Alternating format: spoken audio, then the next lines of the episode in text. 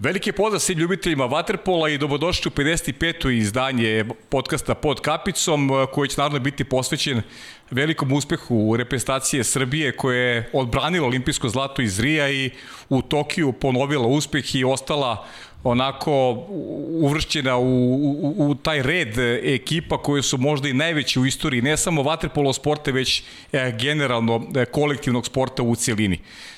Veliko mi je zadovoljstvo što će u ovom podcastu gost biti, mogu slovno kažem, general srpske vaterpolo vojske, čovek koji je vezivno tkivo za sve uspehe vaterpolo reprezentacije u poslednjoj dekadi, veliki strateg, motivator, čovek koji je osvojio toliko trofeja i jedan od omiljenih e, likova kada govorimo generalno, ne samo o srpskom sportu, već u srpskoj javnosti.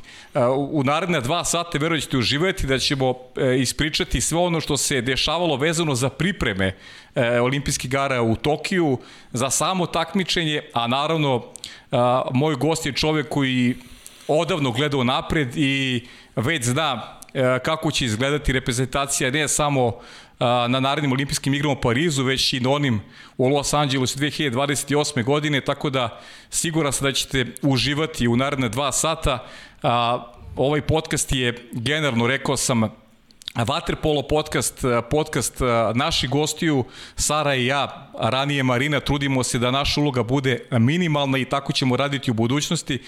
I eto, prilika je da čujemo sada od našeg gosta sve ono što je što su aktualne vaterpolo teme sa akcitom naravno na osvajanju olimpijskog zlata. Da ne bih ja dužio previše, Saro, izvoli, prepuštam ti mikrofon i zvanično predstavi čoveka koji sedi sa tvoje leve strane. E, zdravo Pavle, ništa ne bih dodala, verujem da je svima već jasno da je u pitanju selektor Waterpolo e, reprezentacije e, Srbije Dejan Savić. Dobar dan i moram da vas pitam, s obzirom da ste prošli put bili u starom studiju, kako vam se čini ovaj naš novi studiju? Dobar dan svima. Drago mi je da učestvujem u ovoj jubilarnoj 55. rodi i nadam se da neće trajati dva sata. O, izuzetan je studio, izuzetno je prijatna atmosfera, tako da nadam se da ćemo u sledećih manje od dva sata ovaj, uspeti da odgovorimo na sva pitanja. Deki, pre si došao, hvala ti puno prvo što si, što si došao i znam da je sada period odmora, period slavlja. E, razmišljao sam odakle da počnem i onda sam se setio tog prethodnog gostovanja i e, tada si se tek oporavio od korone, seća se kako su propale te pripreme za olimpijske igre, e, pričao si mi o tome koliki benefit imaju druge reprezentacije s obzirom da svi treniraju u svojim zemljama, igraju u svojim zemljama, svi reprezentativni kandidati manje više iz Srbije su rasuti po nekim a, drugim ligama. A, kako gledaš sada na to vreme, koliko ti je bilo teško jer su ti praktično ruke bile vezane? To je da kažemo period koji je iza nas, naravno, ali ozbiljne pouke su izvučene iz tog perioda i moram da kažem možda i najbitniju stvar odgovarajući na, na pitanje je da a, smo svi gledali da se olimpijske igre ne održe prošle godine jer je specifična situacija bila pre svega baš to, kako si rekao, svi igrači su bili rasuti po, po inostranstvu, to je jedan ozbiljan hendikep za, za našu reprezentaciju, to jest i za mene kao trenera, jer ih nemam pod budnim okom. Sa druge strane, pokušali smo da odradimo pripreme, međutim, zbog dešavanja sa koronom, jednostavno smo prekinuli tu akciju, ali sama situacija, odnosno psihofizička psihofizičko stanje svih kandidata je bilo katastrofalno i moram da priznam i povrede su učinile svoje, a pogotovo i rovitost od povrede, jer kao što smo stalno pričali, jedan vaterpolista koji igra za reprezentaciju dugi niz godina nema vremena da se oporavi od povrede, nego se stalno zaleči. I to je, da kažemo, jedan od osnova zbog čega smo stvarno očekivali i imali sreću da se olimpijske igre od prošle godine uh, prebace na 2021. Mhm. Uh -huh. ja, misliš da je to uh, znači to je znači bio neki iz tvog ugla neki benefit svega onoga što se dešavalo prošle godine. Ja se sjećam tog početka tih priprema, u krajnjem slučaju zbog tih priprema ja sam i želao možda podcast da pokrenim i ranije nego što je planirano. Znam da je odjednom samo sve to prekinuto i ti si se razboleo i ti praktično od tog momenta nemaš više priliku da radiš sa, sa igračima koji su reprezentativni kandidati? Pa evo da pogledamo ovako, evropsko prvenstvo koje se održavalo u Budimpešti 2020. čini mi se da se završilo 26. januara. Jeste. Praktično u post, da kažemo, koroni imali smo nekih četiri sedmice, ali to su bile četiri sedmice prilagođavanja celokupnoj situaciji, jednostavno to se ne računa kao pripreme. Mi smo pripreme tek obavili uh, s kraja decembra 2020. do nekog 15. februara 2021. gde smo uh, iskoristili situaciju kvalifikacijonog turnira za olimpijske igre u Tokiju i tu smo imali dva meseca uh, kvalitetnih priprema, odnosno da se skupimo, vidimo, obnovimo gradivo i da uđemo u neke nove uh, faze taktičko-tehničke pripreme za olimpijske igre. Međutim, i tu smo imali pehova jer određeni igrači su ili bili bolesni ili su a, imali obaveze prema svojim klubovima, tako da mi ni jednog momenta nismo imali celokupni tim u svojstvu tog pripremnog procesa. Tako da i to jedan, da kažemo, hendikep koji je stravično uticao ovaj, na celokupnu situaciju. Mm -hmm. E, neki šampionati po Evropi gotovo da nisu ni odigrani, znamo kakvi su problemi bili i u Grčkoj i u Nemačkoj, vi ste sigurno sam bili u kontaktu sa, sa igračima, pa sad kako se održava forma kod igrača, koliko ste vi kao selektor bili zabrinuti, a koliko su igrači bili zabrinuti povodom cele te situacije, jednostavno su bili svesni toga da su ispali definitivno iz forme, bila je veća pauza. Pa znate kako, ne mogu ja preko Zuma ili telefonski da naređujem igračima da treniraju, mada ako ništa drugo, oni su izuzetni profesionalci i imaju obavezu prema svom klubu, tako da mislim da da su u klubovima već odrađivali određeni deo održavanja forme, koje je nemoguće da kažemo, ali barem uh, u nekom minimalnom, minimalnom smislu. Tako da sigurno bili smo u kontaktu i komunicirali, ali jednostavno kad ih nemaš na dohvat ruke nemoguće je funkcionisati i moraš da se pomiriš sa tim. Naravno da smo u određenim momentima razmišljali o vikend pripremama, odnosno mini pripremama, ali jednostavno zbog celokupne situacije, nemogućnosti putovanja i raznih uh, a, nepogodnosti koje su, koje su bile, nije, to nije moglo da se, da se izvede. Deki, kaži mi, o čemu, o čemu si razmišljao o tim momentima? Da li si ti sam onako osjećao pritisak uh, činjenice da je Srbija ostala bez uh, evropske titule, bez svetske titule, uradio si u Južnoj Koreji nešto što sam ja lično podržao, ali nešto nepopularno. Radio si nešto što, što se protivi, e, što je u suprotnosti sa, sa nekim, da kažem, uh, Uh, protiv sebe si uradio konkretno. Znači, ti si odlučio da odmoriš igrača u Koreji zarad neke svoje vizije. A redko koji trener, da budemo iskreni, bi uradio tako nešto, ali si ti imao neku viziju budućnosti, ali samim tim si negde sebi vezao omču oko vrata, jer si nametnuo sebi da rezultat u Tokiju mora da bude uh, na vrhunskom nivou, a opet s druge strane okolnosti kada pričamo priprema za Tokiju baš nisu bile dobre. Pa dobro, ja moram da se vratim malo unazad, a to je ovaj 2018. godina i osvajanje e, evropske titule u Barceloni, gde se u suštini već pokazalo određene, ne mogu da kažem nepravilnosti, ali baš u tome što sam pričao psihofizički, da kažemo nered, a, i rovitost od povreda kod određenih igrača i ta moja ideja se javila već u decembru 2018. gde sam ja i izneo taj predlog pre svega čelnicima organizacije, to je Svatrpolo Saveza, koji su to obe ručke prihvatili po cenu svega, naravno, i tu sam imao da kažemo i jednu veliku podršku, ali moram da priznam i zaštitu. Ono što se izdogađalo je da sami igrači nisu verovali u taj plan i tek kasnije kada sam isforsirao da se kvalifikacioni turnir uh, za olimpijske igre, u stvari finale svetske lige koje je vodio jedno mesto e, na olimpijski turnir u Tokiju održi u Beogradu, e, shvatili su poentu celokupne moje priče i složili se sa tim, jer ono što sam rekao, nemogućnost e, i nedostatak vremena za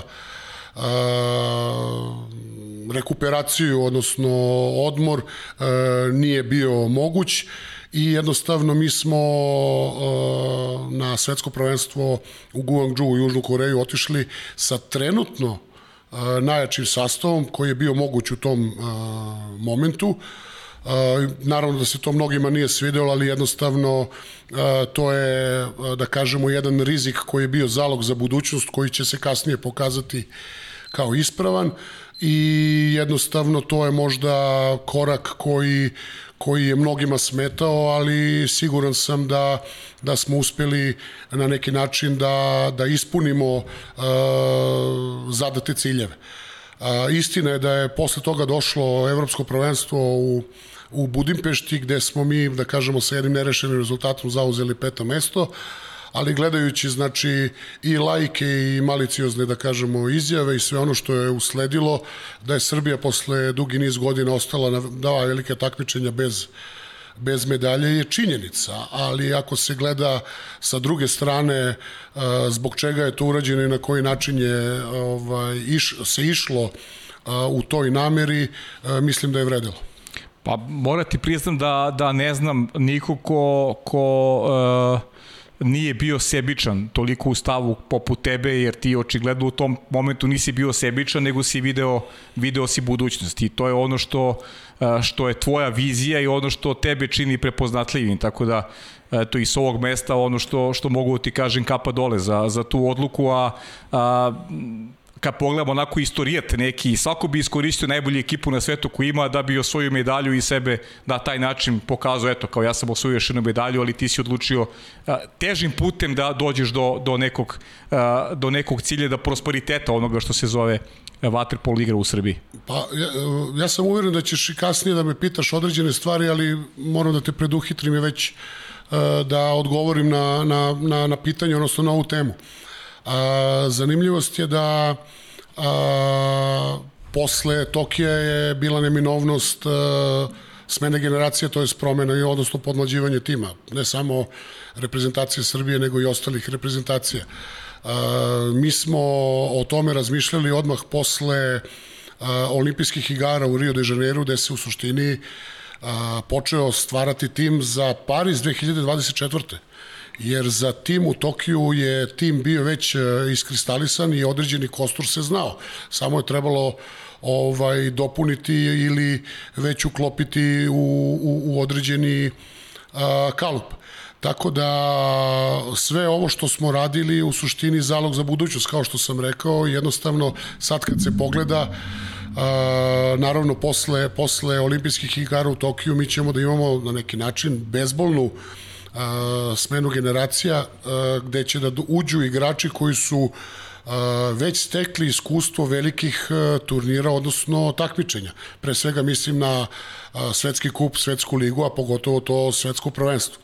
I mislim da smo, neću da kažem da smo u prednosti u odnosu na ostale ekipe, ali ako ništa drugo, već smo napravili jedan mali, mali sistem izmene i u suštini sada, posle, da kažemo, Tokija, a, treba da pristupimo isto tako podmlađivanju sa treće strane, to jest pravljenja, odnosno uhodavajući određene elemente i nove mlađe igrače, razmišljajući već o Los Angelesu 2028.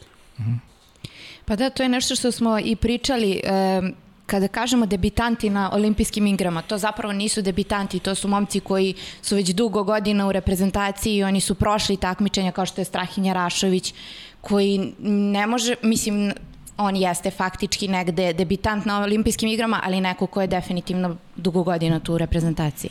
Pa da, to je činjenica i fakat, tu nema greške. Ovaj, I Strahinja, i Dedović, i Đorđe Lađić, i da kažemo, da. svi ti igrači koji su činili spisak kandidata, kojih je bilo 28, to moram da napomenem, za olimpijske igre u Tokiju su prošli određene uh, jake utakmice, a pogotovo uh, i jaka takmičenja i u tome u suštini draža možda, uh, kao što sam i rekao, prednost uh, srpskog tima. E, kako ste se vi pripremali za olimpijske igre ovih godinu dana? E, odnosno, tu je u Beogradu bio Vladimir Vujosinović, ipak neki članovi stručnog štaba nisu bili. Da li ste gledali druge utakmice, zapisivali? Kako su tekle vaše pripreme? Apsolutno. U toku sam bio svih dešavanja i naravno pratio igre što naših kandidata, odnosno reprezentativaca, tako i ostalih timova koji pre svega su uklopljeni i da kažemo imaju više reprezentativaca u svom timu. Tu, tu pre svega mislim na Barcelonetu, to jest na, na Olimpijakos, odnosno Brešu.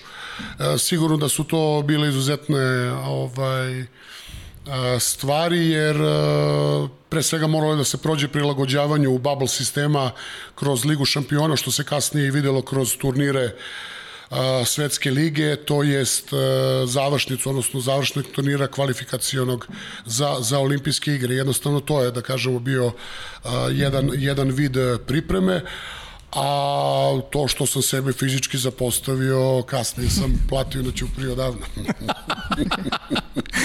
a čekaj, kaži mi, deke, zanima me, ovaj, e, znam koliko si posvećen vaterpolu, koliko živiš vaterpolo, ili imaš predstavu o tome koliko si odgleda utakmica, eto, u to vreme, kada nisi mogao da budeš fizički prisutan na, na, na nekim mečima tamo gde su srpski reprezentativci, koliko si utakmica odgledao i koliko si dobio, da kažem, e, kaseta i nemam pojma, DVD-eva da pogledaš, e, da, da pogledaš učinak kandidata za, za, za reprezentaciju?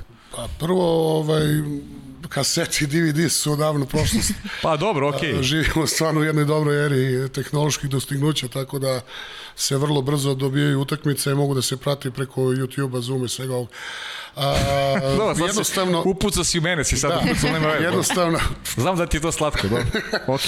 A, jednostavno, jednostavno nemam, nemam uvid, ali e, sigurno da je e, stvarno veliki broj utakmica prošlo ove, kroz moje ruke i ono što je zanimljivo, uh, uhvatio sam, da kažemo, jedan, uh, jedan drugačiji, da kažemo, princip, jer ne moram da gledam uh, utakmice u, u live-u, to jest u, u realnom vremenu, nego mogu da gledam ubrzano i na taj mm. način da ubrzam i svoj rad. Tačno da tražim ono što me zanima, znači od igrača više manje ili ponekad tranzicije, odnosno uh, pojedinaca, ali sigurno da je veliki broj utakmica bio u pitanju i naravno ono što je bitno, uh, sa svojim stručnom štabom normalno da sam u komunikaciji i mogu da mi ispričaju e, odnosno da, da čujem od njih e, koje utakmice treba da se pogledaju, odnosno e, šta se novo dešava i koje su zanimljivosti, jer nemoguće sagledati e, čitav svet ovaj, na dlanu.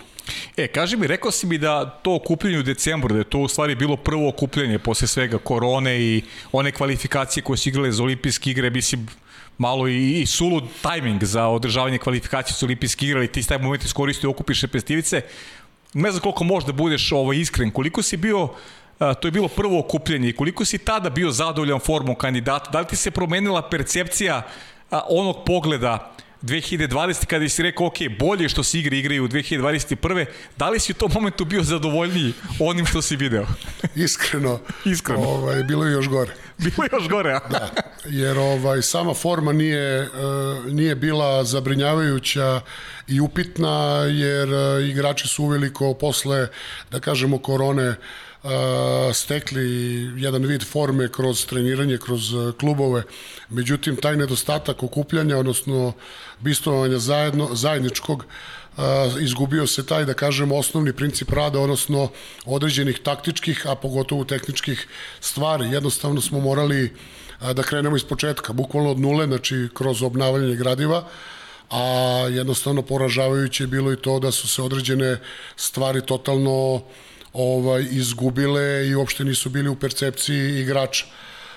Jedna od zanimljivosti, da kažemo, je ako smo dali datum završetka Evropskog prvenstva 26. januar 2020. do, da kažemo, svih tih priprema, odnosno pravog okupljanja koje je bio 14. jun 2021. Mm. Na primjer, jedan Nikola Jakšić je bio na 11 treninga. I to je stvarno za godinu, za skoro godinu i po dana to je ovaj poražavajući hmm. informacija i jednostavno sve je moralo ovaj brzinski da se odrađuje. Znači od odmora e, do, da kažemo, fizičke pripreme, psihološkog momenta, a pogotovo taktičko-tehničkih stvari. Tako da smo jednostavno e, rizikujući određene elemente ušli u najprostije, najprostije detalje pripreme za olimpijske igre, što je, verujem, svim reprezentativcima godilo. da, da.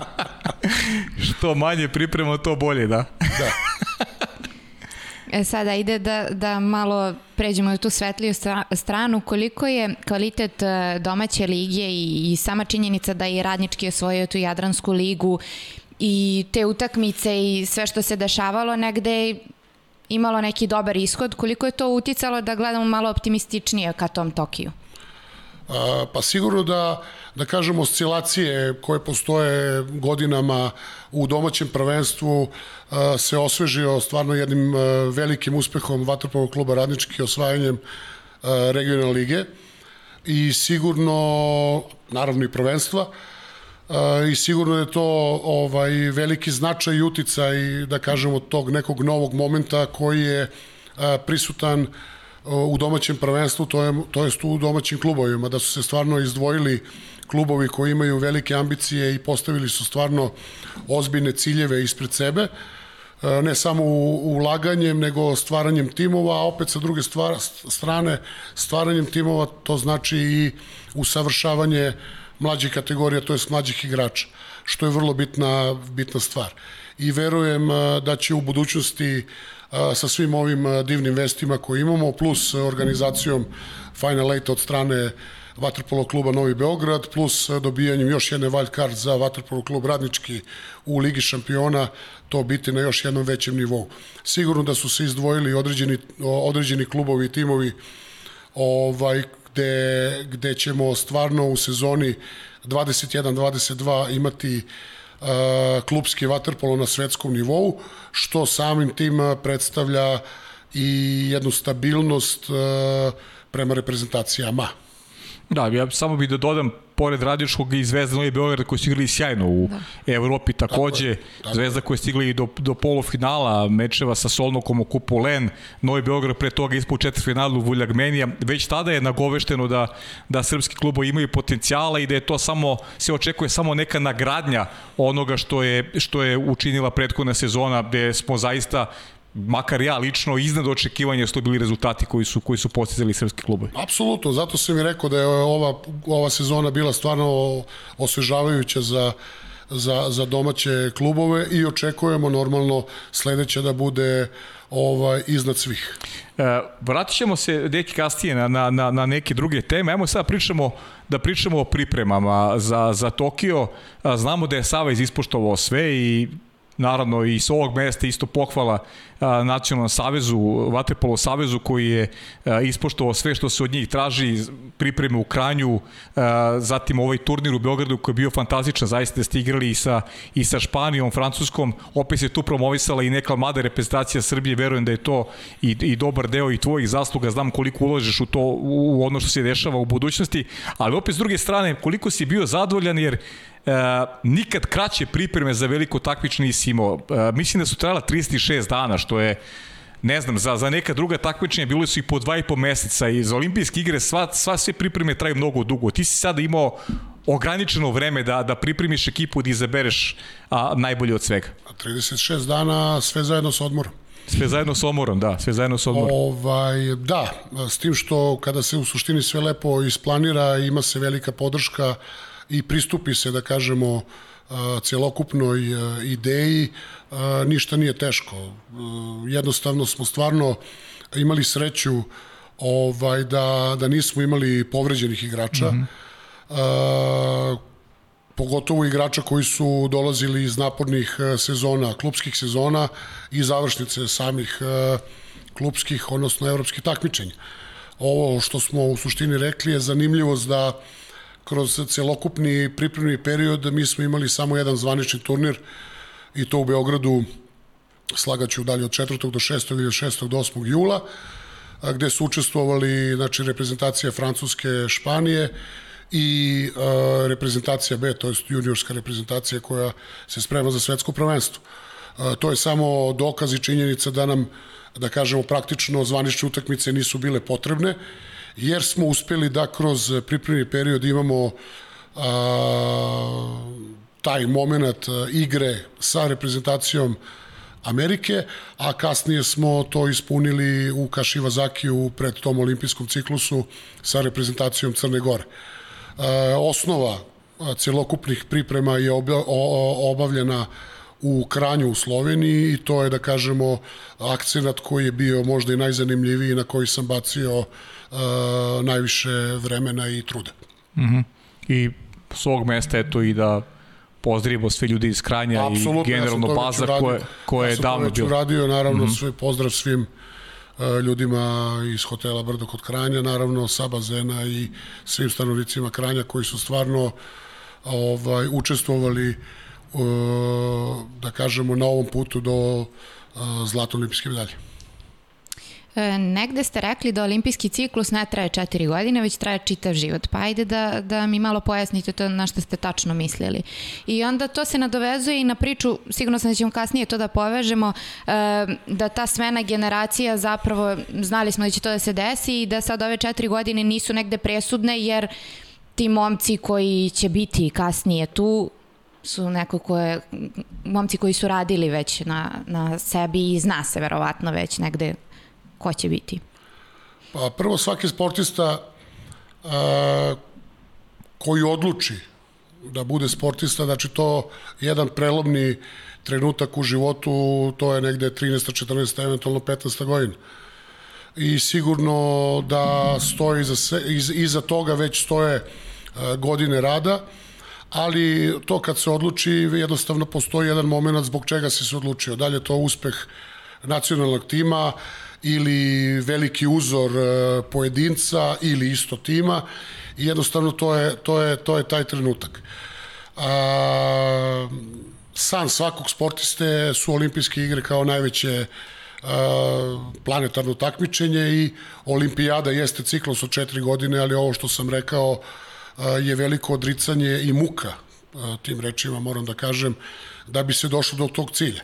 Šta znači priprema za, za čitav život? Znači, vi morate da prođete, prvo da trenirate naporno, svakodnevno, da imate odricanja i žrtvovanje, znači ne postoje ekskurzije, rođendani, izlasci, sve ono što, da kažemo, normalno dete ima u svom detinstvu, maltretiranje od strane trenera, a, briga roditelja i sve ostalo, pa tek onda ide znači prirodna selekcija ili sistemska selekcija, pa borba sa samim sobom da se uđe u kadetski tim, pa u juniorski tim, pa u reprezentaciju, pa opet maltretiranje od strane trenera, pa opet učenje teorije, to jest fizikalija najstrašnija, pa tek onda da dođeš do možda do A reprezentacije, gde opet nisi siguran da, da, da ćeš biti u 13 koji putuje na olimpijske igre i da li će ta reprezentacija uopšte da se kvalifikuje na olimpijske igre. A, mislim da sam u ovih nekoliko minuta objasnio celokupnu srž i mentalni sklop jednog a, kandidata, odnosno vaterpoliste za, za, za olimpijske igre i šta znače ove te olimpijske igre. Znači, olimpijske igre nisu samo svetlo i blještavilo zlatnih medalja, to jest organizacije, jednostavno to je mukotrpan proces gde si obično u mraku čitav život. E, I odabrao si posle te Španije, onako da kažem, svi smo odavde iz podcasta bili na toj utakmici proti Španije, toj e, odigrane na, na, na bazenu Milan Gale Muškatirović. E, možda nam otkeš dileme, ako si hoš imao oko time ili si znao i pre utakmice e, šta će biti. Znam da je u konkurenciji, ovo sad si rekao i sam, da je čak 28 igrača bilo u konkurenciji za tih 13 mesta, što je jedan onako ozbiljna baza igrača koji si imao u glavi vezano za olimpijski turnir. Evo, problem je što se tim iskristalisao mnogo ranije zato što sam ja trebao do ponoći do 4. jula da uh mhm. -huh. prijavim tim, tako da u suštini to se ne znalo. znalo se ja to. ok. A da li su oni tad znali da, da su već prijavljeni ili... Ili si im rekao posle Španije? Nadam se da nisu. pa da se trudemo. Da. Nikom nije dojavio. Ništa, pre nego što krenemo da analiziramo i utakmice i sve dešavanja na olimpijskim igrama, ajde da pričamo o tom olimpijskom selu. Kako ste ih vi doživeli, kakva je hrana bila, atmosfera, specifična je situacija bila u samom olimpijskom selu? To pitate pravo pogreštog čoveka, to treba pitati nekoga sa drugačijim iskustvima. Ovaj, meni su ovo šeste olimpijske igre, u suštini stalno posmatram ovaj, kako je sve gore i gore. ovaj, e, sigurno da je to jedna stvarno za svakog sportistu planetarno naj, najbitniji događaj ali u suštini sve u, u stilu hleba, igara i krvi definitivno se svodi na a, komercijalu, novac a, i na biznis. A, sigurno da ono što gledalci pored TV ekrana ne vide, to je da su sami takmičari ozbiljno, ajde da kažemo, zapostavljeni kao u nekom ovaj drugačijem ovaj sistemu, ali opet to ne gubi i ne gubi draž celokupnog takmičenja. A što se tiče hrane, pa zavisi kako se uzme. To je sve relativno, da. A kako ste ovaj, dojbili Japanci?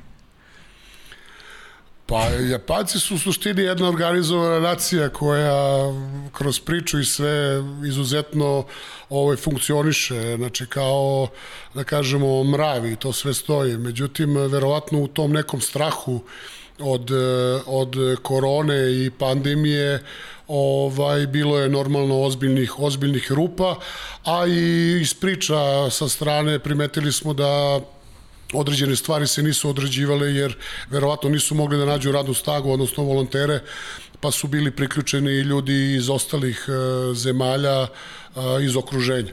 Tako da je to jedna zanimljiva priča. Mada, e, ako se pogleda da svetsko prvenstvo Waterpolu treba da bude već u maju uh -huh. 2022. da su Japanci rekli da to nema šansa, i ti si im rekao da je Formula 1 otkazana. Tako Samim tim e, do, to govori sve o njihovoj brizi, verovatno strahu od a, celokupne situacije. Da, disciplinovana nacija, oni vode računa o tim merama, da. možda više nego drugi uokvireni u kvadratići. Uokvireni u kvadratići.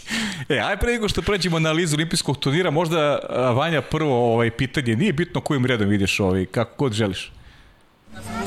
Pozdrav svima studiju, pogotovo za bivšeg selektora. Jedno pitanje je da li je istina da je, pošto ima velika želja da učestvuje na zimskoj olimpijadi, već krenuo sa uh, prvim trenizima i pripremama i da je njegova ekipa doživela već ovaj, povrede na, na istima. A drugo pitanje je koliko Stefana Ćirića no,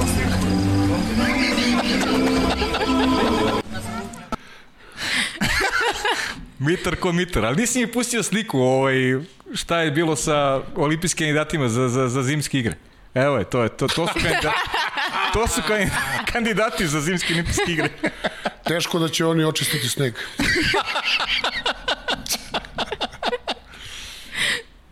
ovaj, pa šta ima vas dvojica, ono što se tiče Stefana Milošića, to je to, da.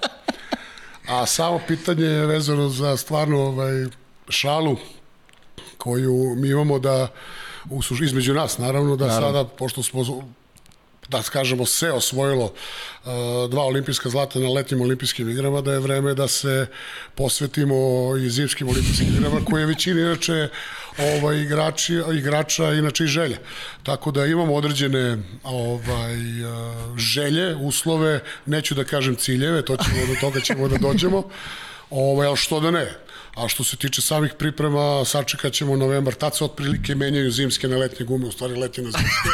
I onda ide antifriz i sve ostalo, tako da ćemo onda da odlučimo gde ćemo na pripreme. A koji sport je pitanje, čekaj, nisi to otkrio? Pa to ćemo Karling. se dogovoriti, možda Karling, Karling što da, Karling, da, da, vidimo. Metlici. Da, s tim što će ovaj što je postavio pitanje, vjerojatno biti čistač. Sjajno. E, deki, ajmo da prođemo malo kroz, kroz olimpijski turnir. E, počelo je pa slično kao i u Riju. U stvari u Riju je počelo nerečnim rezultatom. Sad sam već zaborio da li je bila Mađarska ili... ili... Mađarska pa Grčka, dva Mađarska pa Grčka, dva nerešeno, tako je. Proti Španije je jedna utakmica onako egal. U stvari Španija je konstantno vodila, Srbija se vraćala. Ovaj, e, veliki broj golova s obre strane. E, obrna je zakazala definitivno. Kakav je bio onako tvoj utisak i o čemu si razmišljao u tom momentu? Kakva, kakva je atmosfera bila e, u ekipi posle... Nije, nije prijatno početi e, startom, mada vam, eto, nije to prvi put za ekipu koja je toliko osvajala. Ove, ovaj, iako su, da kažemo, sličnosti vezane iz, između Rija i Tokija velika je razlika. Uh -huh. Jer Rio je u suštini sami znamo da je bio veliki pritisak i između nas samih koji smo ga i napravili i s druge strane dva nerešeni posle poraz od Brazila je učinio svoje da se ozbiljno zapitamo i da kažemo tresemo. Ovde nije bilo tako. Znači, posmatrajući i slušajući izjave koje smo svi davali pred odlazak na, na olimpijske igre, bilo je bitno u, u kakvom god maniru da se prođe grupa, a posle četvrt finale stvarno je bilo sve jedno ko će da se nađe sa druge strane, to jest iz, gru, iz druge grupe. Sam poraz od Španije je pokazao određene slabosti, da kažemo, i nije bio toliko strašan, niti smo bili zabrinuti i tako dalje i tako dalje. Posle u suštini bila utakmica sa, sa Kazahstanom i možda bitnija sa Australijom gde smo pokazali sve svoje odlike i utakmica da kažemo sa Hrvatskom koja opet gledajući nije bila toliko bitna jer smo da kažemo prvobitni cilj ispunili. Ono što je bila alarmantna situacija je da se upali crvena lampica gde smo morali u određenom momentu i da održimo jedan ozbiljan uh, konstruktivni sastanak je bila poražavajuća činjenica da smo na, dva, na dve utakmice primili čak 27 golova, što ni jedan tim iz SFRJ, SCG, a pogotovo Srbije nije doživeo, da kažem. I jednostavno to je, to je ozbiljna situacija bila da se, pro, da se probudimo, odnosno da vidimo u čemu je problem. Problem je bio jasan, normalno, znači veliki broj primljenih golova, na koji način i zbog čega i jednostavno uzroci su se znali, posledice su vrlo, vrlo ove, karakteristične i onda smo morali da pristupimo određenim a, stvarima, znači da ih uokvirimo, smanjimo, disciplinujemo ili da dođe do konkretnog dogovora što je a, prouzrokovalo stvarno uh, jednom, neću da kažem buđenjem, ali jednostavno staroj uh, igri Srbije koja se uvek skoncentrisala na odbranu, pre svega na igrača manje i mislim da je to i odlika svega onoga što je bilo protiv uh, Italijana u četvrtfinalu.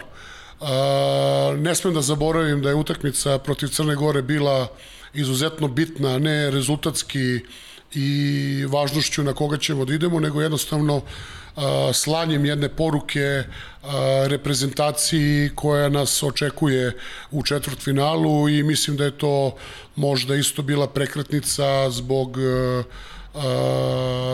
četvrtfinalne utakmice protiv italijanske reprezentacije. Dobro, negde smo sad pretrčali sve te utakmice u grupnoj fazi, pa se ne bih ni vraćala na Kazahstan i Australiju. Ne treba na Kazahstan, ali... ali to je ovo što sam ja planirao minus dva sata. Tako Znam, da, da, ali, ali, ali, ali znaš šta me zanima, deki, Australija, recimo, znaš, e, to je, e, to su ti sad neki, neki momenti gde se, gde, gde se vidi stav ekipe, ne samo ekipe, nego stav stručnog štaba ekipe, jer ste vi negde znali da je Australija verovatno i kvalifikacijnu utakmicu za četvrtfinale. Pa onda imamo epilog svega, imamo to prvo polovreme gde protiv ekipe koje je ne, ne, ne samo ove generacije, nego i tvojoj generaciji znala da pravi probleme na velikim takmičenjima. Seća se mnogo utakmica dobijenih sa golom razlike protiv Australije, gde dobijate polovreme sa 10-1. I onda ti imaš popuno običan gledalac koji, koji nije u materiji i kaže sebi, aha, znači, pogledaj ovi momke kako sada, kada je, kako je, kada je važno kako odigraju odbranu i kako su fokusirani u utakmici koja je, koja je presudna za plasman u, u, četvrfinale. Da. A, ono što smo pričali o posmatranju i gledanju utakmice. A, reprezentacija Australije je bila jedna velika misterija, ne samo meni, nego svim trenerima, to jest ekipama, jer oni jednostavno zbog pandemije nisu izašli iz Australije godinu i po dana. Mhm. -huh. Niti su imali određene zvanične utakmice, niti su se spremali na klasičan način kroz turnire ili određene takmičenja. Tako da, kao što sam rekao, bili su jedna velika misterija. mogli smo da, da vidimo u suštini iz prva dva kola na koji način postupaju, igraju i koji su im definicije igre, to je koncepcija, a opet možda najgore po njih, a dobro po nas je bio ova pobjeda protiv Hrvatske. Mm -hmm, dva dana ranije. Gde smo u suštini shvatili ozbiljnost situacije i morali da imamo totalno drugačiji pristup. Samim tim, ovo što si rekao, da tradicionalno, ne mogu da kažem loše igram, ali rezultatski uh, neizvesno sa Australijom decenijama. Mislim da je sve u suštini bilo do stava, odnosno do pristupa i od samog početka utakmice, znači od prve sekunde, jednostavno jednim sjajnim pristupom i malom zatignutošću u odbrani, mislim na, na, na, na odbranu pre svega kao, kao takvu, pobednik se već rešio u prvom polovremenu. E, pre nego što pređemo na to, na to polufinale, pošto si ti onako išao redom već preskočio, ne, ne mogu da zaobiđem i, i tu Crnu, Crnu Goru, da. vezano za, za, za onaj stav koji, koji sam ti rekao i pre emisije, koji je meni zaista fantastičan stav uh, srpskog vaterpolo tima koji nikad ne bira protivnik, igra svoju igru, želi da sa dobrom atmosferom uđe u četiri finale bez obzira koje je sa druge strane bazena i onda dolazi Italija. Ne znam kako tebi deluje. Meni deluje utakmica sa Italijom preslikana utakmici iz Rija manje više kao da sam gledao reprizu onoga što je što je bilo u Riju. Prvo poluvreme za učbenike, obrana, napad i čak, čak mi delovalo onako sa strane kao, kao lajku da ste u drugom poluvremenu čak imali eto i dovoljno onako lufta da malo se i odmorite vezano za igru napadu bez forsiranja, fokus na obrani i deluje kao jedna rutinska pobeda, a pričamo o četvrtfinalu olimpijskog turnira. Pa dobro, sami smo rekli, u suštini reprezentacija Srbije nikad nije kalkulisala nitić. Barem dok sam ja tu. I kao što sam rekao, utakmica protiv Crne Gore je bila bitna kao davanja poruke da smo mi izabrali protivnika u četvrtfinalu, to je Italija. Mm -hmm. Znači, samo pobedom protiv Crne Gore a, mi smo izabrali ovaj, protiv koga ćemo da igramo u četvrtfinalu. Što se same utakmice tiče, ona je rezultatski izgledala na Rio ali nikakve veze nema jer mi smo Italijane u Riju pobedili u prvom polovremenu, da kažem, jednim neverovatnim ritmom što smo i nazvali tsunami, a sad to, to nije bitno, a ovde smo se jednostavno branili. I u suštini u tome je razlika. Znači, iskorišćavali smo na sve načine ostvarene prilike, to je šanse, ali smo se branili onako kako, kako samo Srbija u suštini zna. I nije tu sad problem uh, tri igrača manje to, to je u suštini odraz uh, Italijana i njihovog pristupa toj utakmici. Jer uh, odbraniti se sa tri igrača manje ipak mislim da je veliki uticaj i napada. Tako da ne možemo, ne možemo, ne možemo toliko da budemo ovaj ponosni ili ili da kažemo ej kako smo odigrali tu odbranu, a mislim da je većina ovaj velika krivica tu uh, italijanskih reprezentativaca, ali samim tim i to govori uh, način odnosno u pripremi to jest pristupu čitavoj toj utakmici. A opet ću da se vratim, mislim da je ozbiljna psihološki moment u pripremi bila naša utakmica protiv Crne Gore, ne samo davanja sigurnosti našim igračima, nego ono što sam rekao, ovaj slanje poruke italijanskim igračima. Pa dobro, aj kaži mi sad pošteno, ajde da ne budeš skroman. Da li si nekad neko branio sa tri igrača manje? Si vidio? A to ne znam, stvarno ne znam. Stvarno ne znam. Da smo trebali da uzmemo loptu da im dam, aj ponovo. Ništa, ja, ja se izvinjam, moram da se vratim na tu utakmicu s Crnom Gorom. Trajeće me ipak dva sata, moram da vas razočaram, ali ja sam našla negde podatak da od 2014. godine nije bio tako ubedljiv rezultat kao što je bio na toj utakmici. Sami ste istakli važnost te utakmice samim tim što je pred četvrt finale. Bilo bi dobro kad bi e, mogli možda negde da prokomentarišete vi e, tu reprezentaciju Crne Gore. Čini se kao da se mnogo više očekivalo od te reprezentacije. I to nije loše da se gledamo u regionu, da isto tako kažeš i za, i za Hrvatsku isto. Pa, e, ne, mogu, ne mogu da budem, e, da kažem, kritički nastrojen prema, prema reprezentaciji Crne Gore, jer oni su imali svojih pehova i svojih, e, da kažemo, situacija gde uh, igrači koji su neminovno trebali da budu tu su bili ili povređeni ili nisu učestvovali ovaj, u samim pripremama. A, mi smo se spremali sa Crnom Gorom i a, Crna Gora je jedna izuzetna reprezentacija, pre svega isto kao da kažemo na neki način i za razliku kao i ostali imaju imaju izrazite ovaj pojedince, ali ono što ih krasi je neverovatno disciplinovana igra, gde su u suštini na momenti pokazali uh, jednu ozbiljnost i da kažemo sigurno uh, da su jedni od pretendenata na, na jednu od medalja.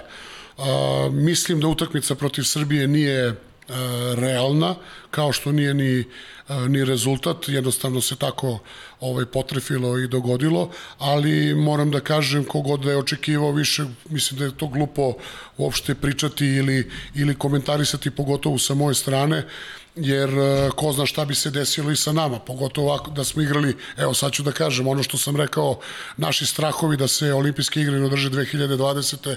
šta bi pričali o reprezentaciji Srbije koja je u tom momentu ovaj, mogla da bude i deveta. Tako da, jeste stvar igre, ali sigurno da je i pitanje uh, onog drugog uh, sa, sa, sa, sa druge strane, odnosno od uh, pitanje protivnika isto.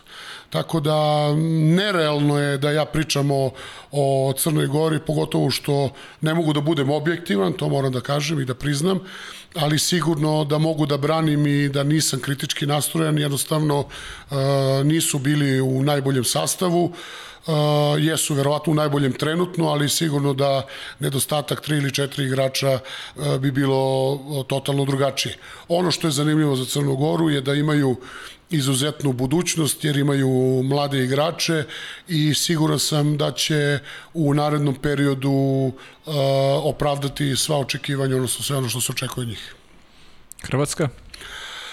A, Hrvatska u suštini nije uzela medalju, sigurno da je to možda, da kažemo, jedan neuspeh ili peh, ali je jedna izrazito, da kažemo, jaka reprezentacija, slična našoj, na svim, da kažemo, pozicijama, ali u suštini to je ono čega se plaši svaki igrač, odnosno svaki trener reprezentacija, to je čuveno četvrt finale. Znači, mm -hmm. ili si pukovnik ili pokojnik, jednostavno kad se pogleda ova ta situacija, jednostavno izgubio si jednu utakmicu koja je izuzetno naravno bitna i odskočna daska za sve ostalo, ali mislim da su trenutno ovaj, tu da jesu i mislim da i oni imaju kvalitet u budućnosti, jednostavno vidjet ćemo kako će da se obnove, oporave i što je najbitnije ovaj, kao domaćini očekuje ih eh, Evropsko prvenstvo u Splitu sledeće godine gde sam siguran eh, da će morati da se konsoliduju i da, eh, da naprave rezultat. E, ide polufinale Španija, večito se priča o toj e, nepobedivosti, mi smo negde uspeli, rezultat 10-9, definitivno prekretnica meča jeste bio taj VAR, gde se u nekom trenutku, ja uvek volim da kažem, probudio taj srpski inat i, i od od tog trenutka je sve krenulo na bolje. Kako vi sada sa ove tačke gledišta gledate na tu utakmicu? Kako je vama bilo da gledate sa te strane, pa reći ću nepravdu tog VAR sistema? E, pa evo vi prokomentarišite možda najbolje utakmica sa velikim oscilacijama, nažalost. Znači, mi smo dobro krenuli iz nekoliko nepromišljenih, odnosno situacija na koje nismo obratili pažnju. Ovo je vaterpolo igra gde u suštini stalno glava treba da bude iznad vode, ali određeni trenuci su bili vezani za to da a, nismo spremni. Baš je Paja baš to je rekao, u suštini prvi go iz kontrafaula gde naše kontrafaulu koji je bio, gde je reakcija španskih igrača nevjerovatno i smanjuje rezultate. Sad je pitanje, a zašto moji igrači nisu imali, odnosno nisu reagovali za odbranu? To je to. Tako da to su te, da kažemo, oscilacije.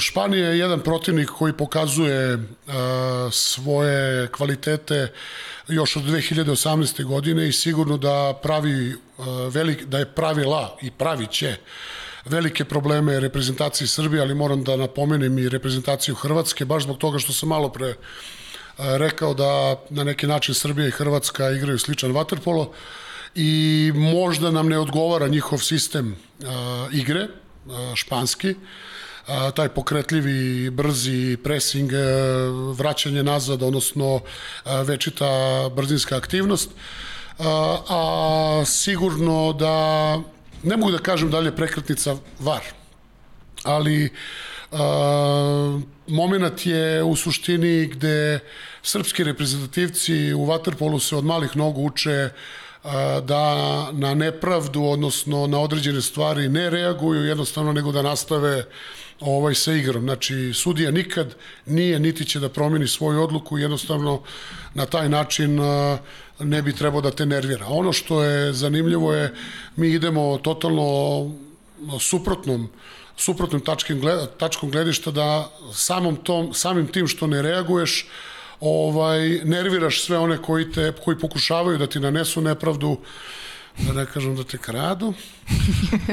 ovaj, I to je moment gde na taj var koji je verovatno napravljen da bi varao, što kaže Stefan Mitrović, ovaj, e, dolazimo do situacije buđenja i tog, da kažemo, jednog napada adrenalina gde reprezentacija Srbije kreće da, da igra, a reprezentacija Španije jednostavno staje.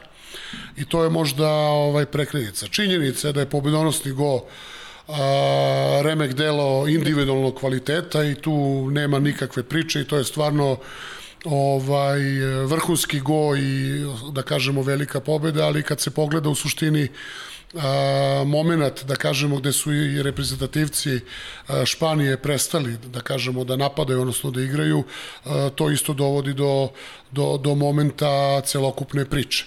A, iz toga moram da nastavim zato što reprezentacija Španije sigurno zaslužila medalju, ali iz tog pre jednog emotivnog pražnjenja, odnosno poraza nisu mogli da se izdignu iza, iz, iznad sebe i jednostavno zbog toga su doživjeli poraz od Mađarske koja se opet od tog poraza verovatno brže uh, oporavila i, i ušla mnogo bolje u tu utakmicu za bronzanu medalju. Sama utakmica, da kažemo, i sve ono što, protiv Španije i sve ono što je uh, izašlo, izašlo i proisteklo iz nje, samo jedan podsticaj, odnosno motiv više za, za reprezentativce, a u suštini sama izjava emotivna a, Mandića govori sve jer jednostavno više nije htio da ćuti. e, pazi, sad u sekundi dok si, dok si ovo pričao, ovaj, sad skačem, ne skačem u stvari sa teme, nego mi je prošlo kroz glavu da te pitam ovaj, još, još, još neke stvari vezano za Španiju. E, opet deki pravim paralelu, mene je završnica utakmice strašno podsjetila na Budimpeštu. Ti naravno pamtiš sve i, i bio si akter. Ja sećam te Budimpešte, Španija, Srbiji dala jedan gol u drugom povremenu.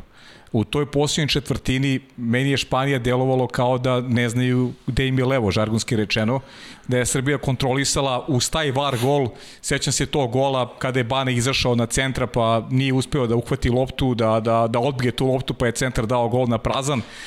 Delovalo mi je kao da se, bez ozira na, na, na, na taj var, neću te terati ti pričaš suđenju i ne radiš to nikada i to je ono što sam ti rekao kapa dole tebi i igračima što ne reaguju na te stvari, ali mi je delovalo e, bez rezultatski deficit da se Srbija sve pita, baš kao što se pitalo Budimpešti 2020. Samo nije bilo, eto da kažem, te završnice i drugi pitanje, da li si znao e, kada je obranjen e, napad za 9-9 da će Fića šutirati onaj, onaj posljednji napad jer delovale možda pogotovo u snimku, e, kao da se meračio od, od starta napada da će tu akciju da završi tim nekim idealnim rešenjem šutem. Da. O, da krenemo iz početka. Ajde. A, sličnosti izme, između Budimpešte i a, Tokija postoje.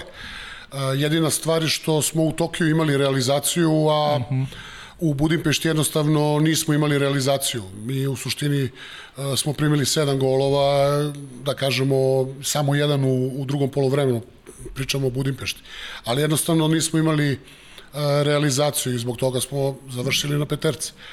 A što se tiče pitanja za Fiću, to treba njega da pitate jer on je e, bio toliko umoran, da kažemo, i isceđen da je tražio izmenu, uh, Mm -hmm. Međutim, ja mu nisam dozvolio, rekao sam mu još jedan napad, još jedan napad, pa makar crko. Mm -hmm. I mhm. to je u suštini to. da, da, sjajno. Pa to je taj napad, znači tamo. Da. Sjajno. E, ništa, idemo sada na, na, na, na, to, na to finale. E, Grčka, Grci su se vraćali u, u, u nekoliko... E, pre nego što počnemo finala, kaži mi, Odakle ti ideja za, za onaj video, onaj video snimke porodica priprema za Grčku? Jel si tu ideju imao u Beogradu ili ti se, ili ti se ona javila a, u Tokiju? A, znam da je bilo vrlo emotivno, pričali su svi igrači, to je još jedan onaj, onaj pokazatelj koliko ti vodiš računa o svim detaljima i nešto da. zaista nevjerovatno. Ta ideja je zapisana u Sveščicu još pre godinu i po dana. To moj uh mhm. -huh. pomoćnik Stefan Ćirić zna jedini i ta ideja je znači još pre mes, godinu i po, godinu i po dana. za ostvarenje jedne ideje u suštini treba vreme, mesto i da se situacija namesti. Znači, trebalo mi je to finale. da. Samo. Ali je snimljeno ranije ili je snimljeno... Ne, ne, ne, ne. Snimljeno je ovaj, odmah uh, posle... Polufinala.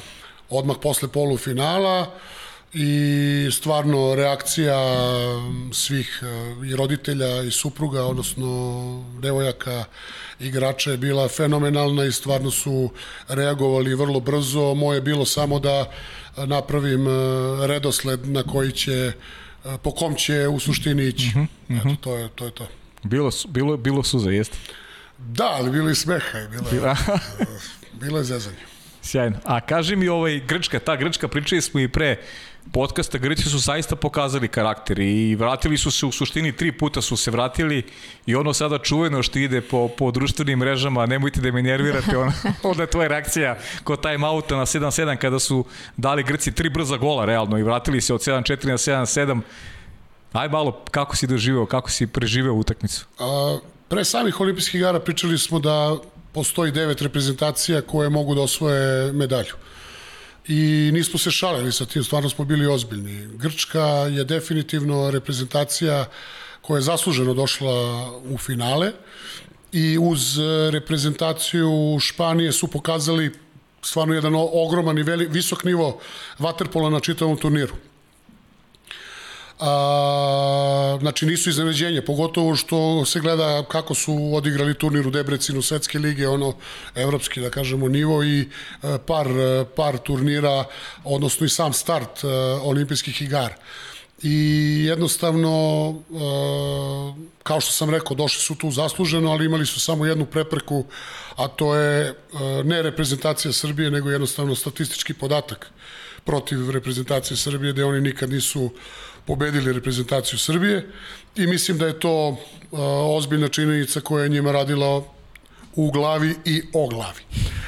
A, sama utakmica je u suštini a, krenula i tekla tokom a, kako smo zamislili, međutim a, znali smo u suštini, u, u suštini odakle nam preti najviše opasnost, znači od a, postavke E, Grka u napadu, znači u toj lepezi gde e, većina isključenja ide preko centara, pa pogotovo i bez bez lopte i brzim ubačajem, znači posle, posle isključenja uh, davanje golova, gde smo morali da budemo fokusirani i skoncentrisani na te stvari. Ono što je zanimljivo je da bek, znači desnorukom igraču mora da stoji sa leve strane da bi se određene taktičke varijante koje smo pričali ostvarile, a meni je bek sve vreme išao na desnu stranu i totalno mi ovaj, razvalio koncepciju gde smo u suštini dobili ta tri gola i zbog toga je u suštini bio time out. A to nemojte da me nervirate u suštini izvučeno iz, iz konteksta jer postoji rečenica pre toga stanite mi više na levo rame, nemojte da me nervirate sa tim desnim ramenom. To je to bilo. Eto. To je to. Pa da, tri gola sa desne strane, da. E, zbog čega niste tražili time out minut pre kraja, pošto smo negde navikli da, da kada je rezultat izvestan da uvek sledi neka poruka? Šaljiva neka Šaljiva. poruka. A, razmišljao sam o tome i iskreno dobio sam čak mali ukor od, od igrača starijih koji su se na posle finalne utakmice oprostili jer su i oni očekivali da ću da tražim time out i da dobiju aplauz, da budu ispraćeni na način koji, kakav im i dolikuje. Ako već nisu dobili srce, želudac, bubrege i pre svega moje suze, onda neka im i taj aplauz. Dobro. ovaj, nisam hteo jer bi se to verovatno na pogrešan način razumelo kao omalovažavanje protivničkog tima i pre svega protivničkog trenera i nisam hteo nikako da ulazim u te, u te faze polemike. Jednostavno ja imam veliki respekt i poštovanje prema Vlahosu i jednostavno to nisam mogao da uradim, pogotovo što mi je pred utakmicu rekao da mu je izuzetna čast što igra finala olimpijskih igara protiv reprezentacije Srbije, jer mu je to u suštini poslednja utakmica kao trener reprezentacije Grčke. I stvarno zbog toga u suštini nisam ne da nisam razmišljao, nego nisam hteo da zovem taj čuveni timeout. E, sećaš se da si 2014. godine po povratku iz Budimpešte rekao da ima vremena za slavlje i za skoku u bazena. Moram ti priznam da sam iskreno očekivao, s obzirom da se oprašta ova trofejna generacija, očekivao sam to u bazenu, ali kad je to vreme sa skoku u bazenu? Da A? Nisam ponogaći ovaj put. Nisi ponogaći, to je razlog, a? Da. Dobro, u tvom, odgo u tvom stilu odgovor. Možda treća sreća. Opa, idemo na Pariz, znači, to bi se dopada. Ma dobro, Mađari su bili tri puta za redom olimpijski šampioni, što i mogu bude Srbije. Da te ne... da te, znam, bio sam ja o toj Atini, znam, neću te podsjećam, izvini. Ovog puta ne pričamo o Atini, obećavam ti. E, kakav je osjećaj bio posle te utakmice? Negde e, sigurno da vam je prvo prošlo kroz glavu to da, da tih sedam momaka se oprašta. U tom trenutku je bila priča da, da, da i Bane Mitrović e, uvijek odlazi. Je bila, ovaj, da. da. uvijek je bilo šest, s tim što Bane je imao dogovor sa mnom i on je to znao u suštini, ali novinari nisu znali pa su Aha. stalno potencirali sedam. Dobro, to ćemo posle. Da. Pa ništa, evo, kakav je bio taj prvi osjećaj? Isto kao i propo, posle svake velike utakmice, izuzetno prazan i nekako, ne znam, ono, cilj je ispunjen i to je jednostavno jedna praznina ozbiljna i neverovatna glad i želja za cigaretu. to, a? I, i, I rasplakali su te lepo, ovaj, ono, nisam te video tako emotivnog eh, kao na aerodromu u, u, u Beogradu. Pa dobro, zamisli šta je bilo u avionu. Mogu da zamislim šta je bilo u avionu, ali, ali opet ta emocija, Mitar je opet poveo ono sada dio i tu se onako puklo je sve.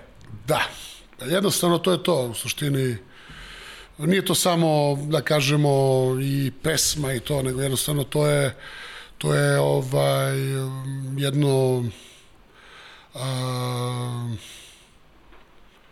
novi životni, da kažemo, deo, nema, to je gotovo. Mm -hmm. Gotovo je sa tim i u suštini okreće se drugi list i uh, jedna epoha je završena i u suštini ne treba žaliti za njom, ali je da. u suštini možemo možemo a, kako bih se izrazio pustiti suze za nečim što je što ga više neće biti normalno.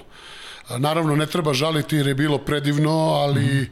ovaj možemo možemo da ga oplakujemo i jednostavno uvek, će, uvek ćemo imati ovaj, sećanja koja su ozbiljno zabeležena. Da, pa ja, ja znam, mislim, ja sad malo skačem, ovaj, nije baš ovo po nekom konceptu, ali znam koliko si emotivan čovek generalno. Uh, kad kažeš ono, ne znam, Andrija Prlinović, Filip Filipović, Stefan Mitrović, Mića Aleksić, e, Duško Pjetlović, Gojko, znaš, šta ćeš prvo da pomisliš ovaj, neke, a neka kakve, kakve ste veze ostvarili ovako i kao, kao ljudi, da li ima neki poseban moment koji ćeš onako da, da apostrofiraš ili, ili se to onako, ili iz godine u godine, svaka godina bila neka, neka nova lepa priča?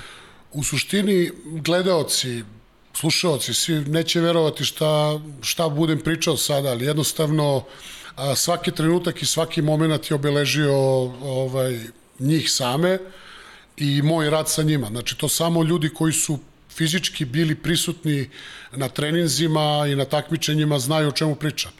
Jer e, to su, da kažemo, ne samo anegdote, nego a, i priča, odnosno komunikacija i taj vid, da kažemo, a, zajedništva, a pogotovo moram da, moram da kažem tu reč, nema veze o mi, zajebancije koja je mhm. obeležila ovaj, stvarno tu generaciju. Tako da, jednostavno, to je to. Je to. Mhm. Mm -hmm. Vanja, aj mi pusti video, pusti mi ovaj, o, onog u šorcu ovaj, u, u majici. Da ne kažem ko je. A ne, ne, drugi. Svima, nema veze. Veliki pozdrav. Uh, pitanje se deki, ja, deki, da li se sjećaš ko ti je kucnuo na vrata u kazanju i ostavio nešto ispred vrata i onda ga nije bilo. I drugo, teki majstore, pa ti si Bog. Vidimo su ti tu. Pozdrav ljudi. Manda. Tek se probudio. Dalje spao? Moguće da nije, ne znam to. Au, Sam- šta pa da odmore, možda nešto hoće. Kakva noć je bila. Kralj. čoveč. 2015. kazen. Ko ti je ostavio ovo ispred vrata? Šta ti je A ostavio? ostavio neke poklone silne ovaj, da brže i bolje ovaj, provedem noć u analiziranju utakmice. To, ovaj, a šta reći za malog deta, to je to. Lepo, zanimljivo. Da. Dobro, Mandu imaš, Mandu imaš i ovaj u budućem periodu. Da, tako je. S tim što se samo plašim da se nije ovaj zadovoljio ovaj pa da ne bude ovaj "Ej, znaš, presit sam svega. A ne znam, ne deluje mi tako. Pa nadam se da neće. Ne deluje mi tako. Dobro, ajde, vidjet ćemo. Ti to znaš bolje nego mi. E, pre nego što krenemo na to, na to slavlje, ajde da, da, da mi malo još ispričaš o tome da li te nešto iznadilo na igrama, neki, neki tim, pričali smo o tome koliko je Japana tipična reprezentacija, to smo govorili tokom onog prošlog podcasta, a, neki igrač a, koji ti se onako dopao, a da je iz drugog tima. Šta si video? Da li si video nešto novo u odnosu na, na, neke, na neka ranije takmičenja? Pa novo u suštini ništa, da kažemo, nije bilo što nije ranije godina. Uh -huh. Sem ritma i tako dalje. Ono što smo pričali je da Japanci uh, sigurno mogu da uh, budu potencijalna opasnost uh, za određene timove, što se i pokazalo, pre svega rezultatski. Oni su kasnije pukli jer uh, takvim ritmom ne može da se igra uh, jedan turnirski sistem. Znači, može da se igra prvenstvo i to, ali turnirski sistem ne može, redko ko može da izdrži ovaj takav ritam. A, iznenadio je recimo grčki golman, koji je bio stvarno na, na nivou ovaj zadatka i mislim da je to ovaj najbitnije. Naravno određeni grčki igrači tu nema greške ovaj sigurno a opet opet eh, tvrdim i kažem da Grci svojom svojim a, svojom igrom uopšte nisu iznenadili. Tako da neki noviteti nisu bili. Ono što je zanimljivo je da stalno pričamo o promeni pravila, stalno pričamo, znači bilo je 12 plus 1 ovaj, e, igrač, znači većina ljudi, odnosno trenera je prihvatilo da igra bez drugog golmana i u suštini e, sve se svelo, nažalost, e, na igrača više manje. Eto, to je recimo utisak koji je ono poražavajući, veliki broj isključenja bez lopte, ovaj, i mislim da, da su to neke stvari koje koje, koje su prevlada, prevladavale na ovim olimpijskim igrama. Naravno, ko se prvi prilagodi, odnosno ko napravi taktičku varijantu svega toga je, je, je u prednosti. Ali mislim da nije bilo nekih većih, pre svega, iznenađenja, a neko da se u suštini uh, da je neko iznad, iznad očekivanog, ovaj, to se zna po statističkim podacima i jednostavno ne mogu da kažem za određene igrače, pogotovo što su dvojica mojih. A pre nego što Saro pređeš ti na, na, na, taj tvoj, na tvoj blok, nadovezat će se na ovo Dekijevo, meni ortodoksna glupost tih 13 igrača, svi kolektivni sportovi povećavaju broj igrača koji odlazi na velike takmičenja, imaš problem ogroman sa oporavkom igrača, ne samo ti, nego generalno svi selektori vatre reprezentaciji, imaš moment u kome se odričeš logično golmana, jer ne zaborimo Srbija je proti Španije završila bez petorice igrača utakmicu koji su imali tri lične greške, Znači, to je zaista nonsens i ti nemaš onda mogućnost u nekog biranja. Uh, kako gledaš na, na, na, na sve te stvari, jer to je nešto što sigurno uh, utiče, na, utiče na kvalitet, utiče na potrošnju, da ne govorimo o tome da, da uh, Waterpolo najbolji igrači na svetu odigraju godišnje, ja ne znam kolike broj utakmica, poput NBA-a, to je domaće prvenstvo, igraš, ne znam, regionalne, regionalne takmičenja, evro takmičenja i onda odeš na najveće moguće takmičenje i tu si limitiran sa brojem igrača. To je ne nonsens, nego to je, pot, graniči se sa ludilom. Da, igraju kao NBA igrači, nisu plaćeni koni, ponovit ću tu rečenicu. Da. Pa nek mi zamere isti oni koji su mi zamerili prošli put. A, nije u tome stvar. Stvar je ovaj, što se stalno priča o promenama pravila, ali ne dolazi nikada do a, priče, odnosno određene saradnje, pre svega sa onima koji su možda i najviše zaslužni u suštini za današnji vaterpolo, to su treneri. Uh -huh. Jer e, svi treneri na svetu trebaju da budu uključeni u određene, određene stvari kod menjanja pravila, ako ništa drugo, da uđemo u neku diskusiju i o tome da, da, da, da pričamo, odnosno da stvorimo filozofiju da li može, ne može i šta, šta, koji su problemi. Posle toga, a što se ne bi uključili igrači? Pa, ako ništa drugo, pa ti igrači isto moraju da budu uključeni u, u, u čitavu, da kažemo, situaciju sa celokupnim vaterpolo svetom. Jer a, ko će da zna, ako ne oni koji su lično u bazenu, jer ja kao trener ne učestvujem, a izgubio sam odavno igrački osjećaj, tako da i njih neko treba da pita kako se osjećaju, koji su to pulsevi, kako se oporavljaju, na koji način, kalendar koji je katastrofalan, znači od domaćeg prvenstva preko evropskih klubskih šampionata odmah skačeš u, u reprezentativne mm. gaće, dva velika takmičenja, nekad i tri godišnje, mislim, to su katastrofalne stvari. I niko ne pita, em igrače, em nas a mnogi, mnogi treneri u suštini će da se slože da imamo predloga, imamo predloga koji nikad nisu u suštini ušli u raspravu, određene stvari jesu, ali jednostavno mm, to mora da, to mora da se promeni pod hitno. E, nije stvar više 12 plus 1, jer se već uveliko priča da će u Parizu sigurno biti 11 igrača. Poslednji put 11 igrača je bilo na uh, olimpijskim igrama u Moskvi 1980. godine. To je pre 41 godinu da je Waterpolo bio svo poštovanje i prema tim generacijama i svemu, bio je mnogo sporiji, usporeniji, nije ovaj funkcionisao na ovaj način. E, profesionalniji je danas, brži, ako ništa drugo i povrede su drugačije.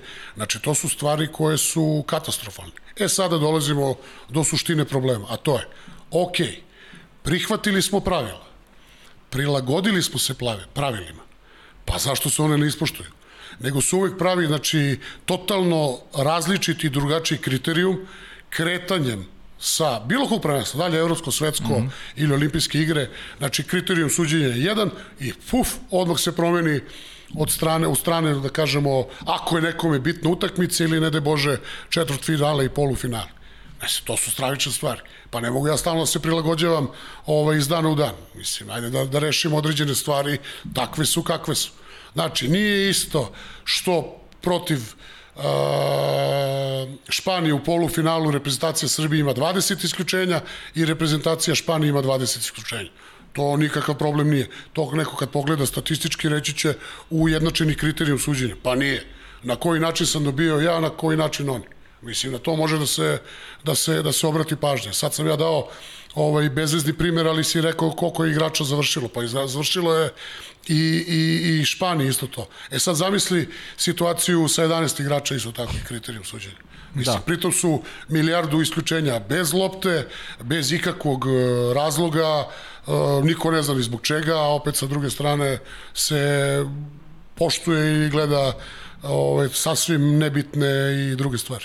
Pa znaš onda kako, kako tek onda izgleda nama koji, koji nismo igrali vaterpolo recimo, koji nemamo, koji nemamo tu stranu, znaš, ne, ne, nemamo tu sportsku stranu da možemo nešto da predvidimo, znaš, a to je nešto što se zove ona, ona, ona tema približavanje vaterpola. I znam na, na čemu ti insistiraš stalno i popuno se slažem sa tobom vezano i za nas koji se bavimo i komentarisanjem a, rad stručnog konsultanta koji bi to a, a, pojednostavio, ali imam utisak deki da, da u nekim situacijama čak ni vi koji ste unutra neke stvari stvari ovaj, ne možete jasno da, da definišete, prepoznate zbog toga, upravo zbog toga što postoji ta neka nedoslednost kada, kada govorimo o, o tumačenju pojedinih pravila.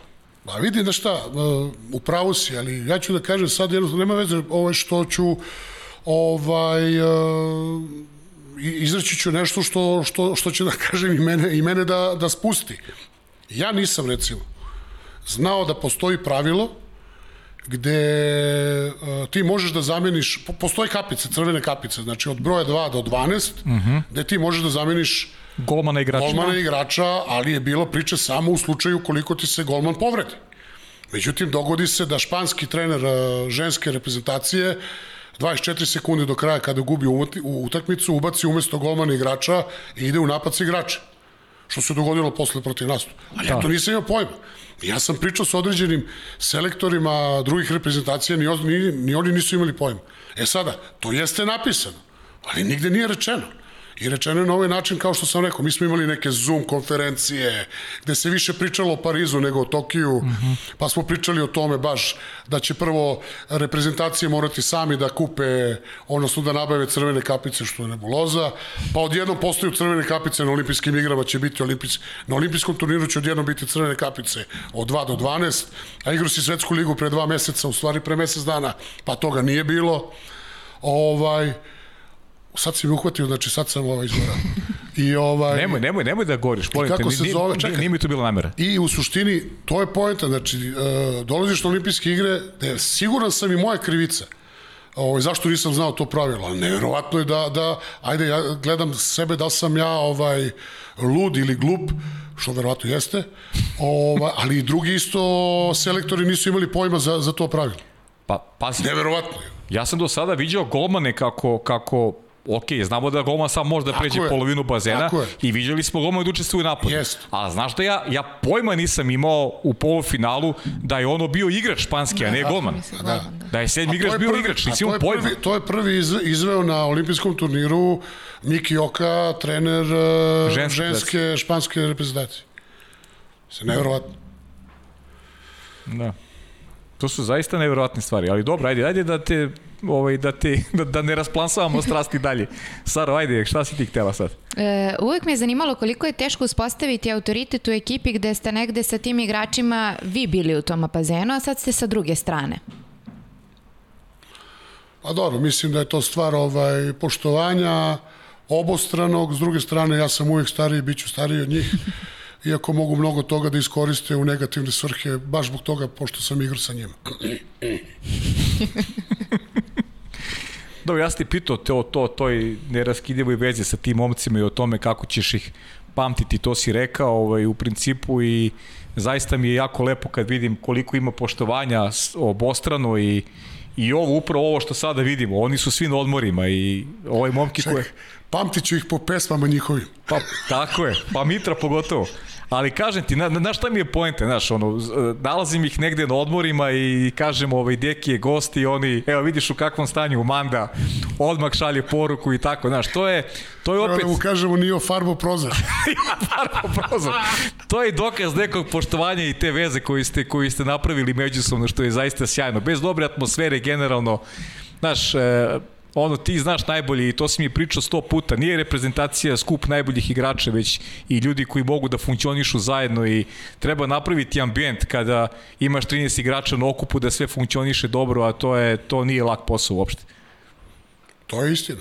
Znači, uklopiti sve u jednu ozbiljnu atmosferu i tako je, oni su stvarno, ono što smo stalno pričali, skup izuzetnih pojedinaca u jedan ovaj, neverovatan kolektiv, ali ono što je krasilo taj tim je u suštini zakopavanje sujete, uh -huh. a, neverovatna požrtvovanost i pre svega posvećenost tome što rade. Da. Pa ne samo njihove sujete, dolazi- nego, nego i tvoje. Tako je. E sad, posle dolazi znači atmosfera ovaj, i ta ovaj, večita uh, duhovitost. To je to. Prošli put kad ste bili ovde, što nije bilo tako davno, zapravo pre godinu dana, pričali ste negde o odlasku mlađih generacija. Sada smo negde svedoci toga da se sve više momaka vraća. Da li postoji negde briga kako zadržati te momke i kako zadržati mlađu generaciju? Šta se to promenilo za ove godinu dana? I da li će nastaviti u ovom ritmu, što se nadamo negde? To su već statistički podaci, to ću, to, ću, to ću da vam odgovorim nekom drugom prilikom. To mora da se vidi. Jer oni koji su otišli u suštini uh, se siguran sam neće vratiti jer su otišli ono trbuhom za kruhom, što se kaže, odnosno da za- završavaju studije, da iskorišćavaju vaterpolo u njima najboljem svetlu, odnosno za budućnost svojih života, što je apsolutno opravdano u, u, u, određenom, uh, u određenoj svesti i pogledu. A, vraćanje određenih e, igrača vrhunskog e, da kažemo karaktera u klubove je sjajna stvar i jednostavno to samo pokazuje a, ono što sam mi rekao ambicioznost određenih klubova to jest e, timova e, da da napravimo e, jaku, jaku ligu, odnosno da se, da se dođe do toga da stvarno Srpska liga bude opet e, najjača na svetu. E, samo vraćanje tih igrača predstavlja ozbolj, ozbiljan ovaj motiv i podstrek mlađim igračima, jer će ras, rasti i da kažemo usavršavati se uz e, najbolje svetske igrače i na neki način to će možda čak i olakšati e, teret, to je posao trenerima koji su ovaj uz njih. Negde ste uvek vrlo otvoreno pričali o problemima u Waterpolu i da nije zlato sve što sija i da ima tu stvari na kojima treba da se radi. E, kakav osjećaj imate sad, pogotovo sad zbog te i smeni generacije i svega što nam e, sledi, negde je ta lestvica postavljena veoma visoko.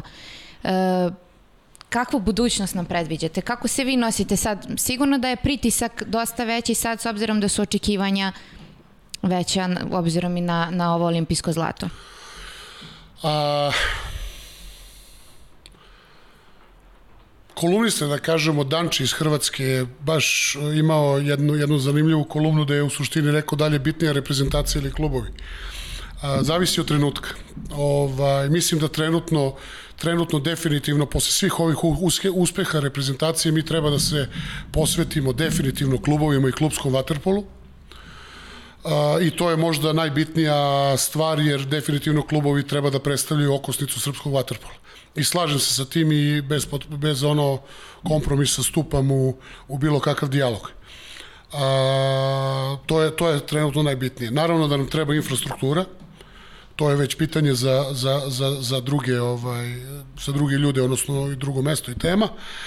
A što se same reprezentacije tiče, iako će dođe do smene generacije, mi imamo u suštini e, tim i jednostavno e, razmišljamo kao i uvek tradicionalno, znači sledeći e, cilj treba da bude osvajanje medalje na olimpijskim igrama u Parizu koje je za tri godine. Kao i uvek što je bila filozofija, znači sva ostala takmičenja su stepenice do toga, ja razumem i znam da smo i razmazili, odnosno da će svi da očekuju velike rezultate, ali ono što ja očekujem je i neminovni pad u određenom momentu.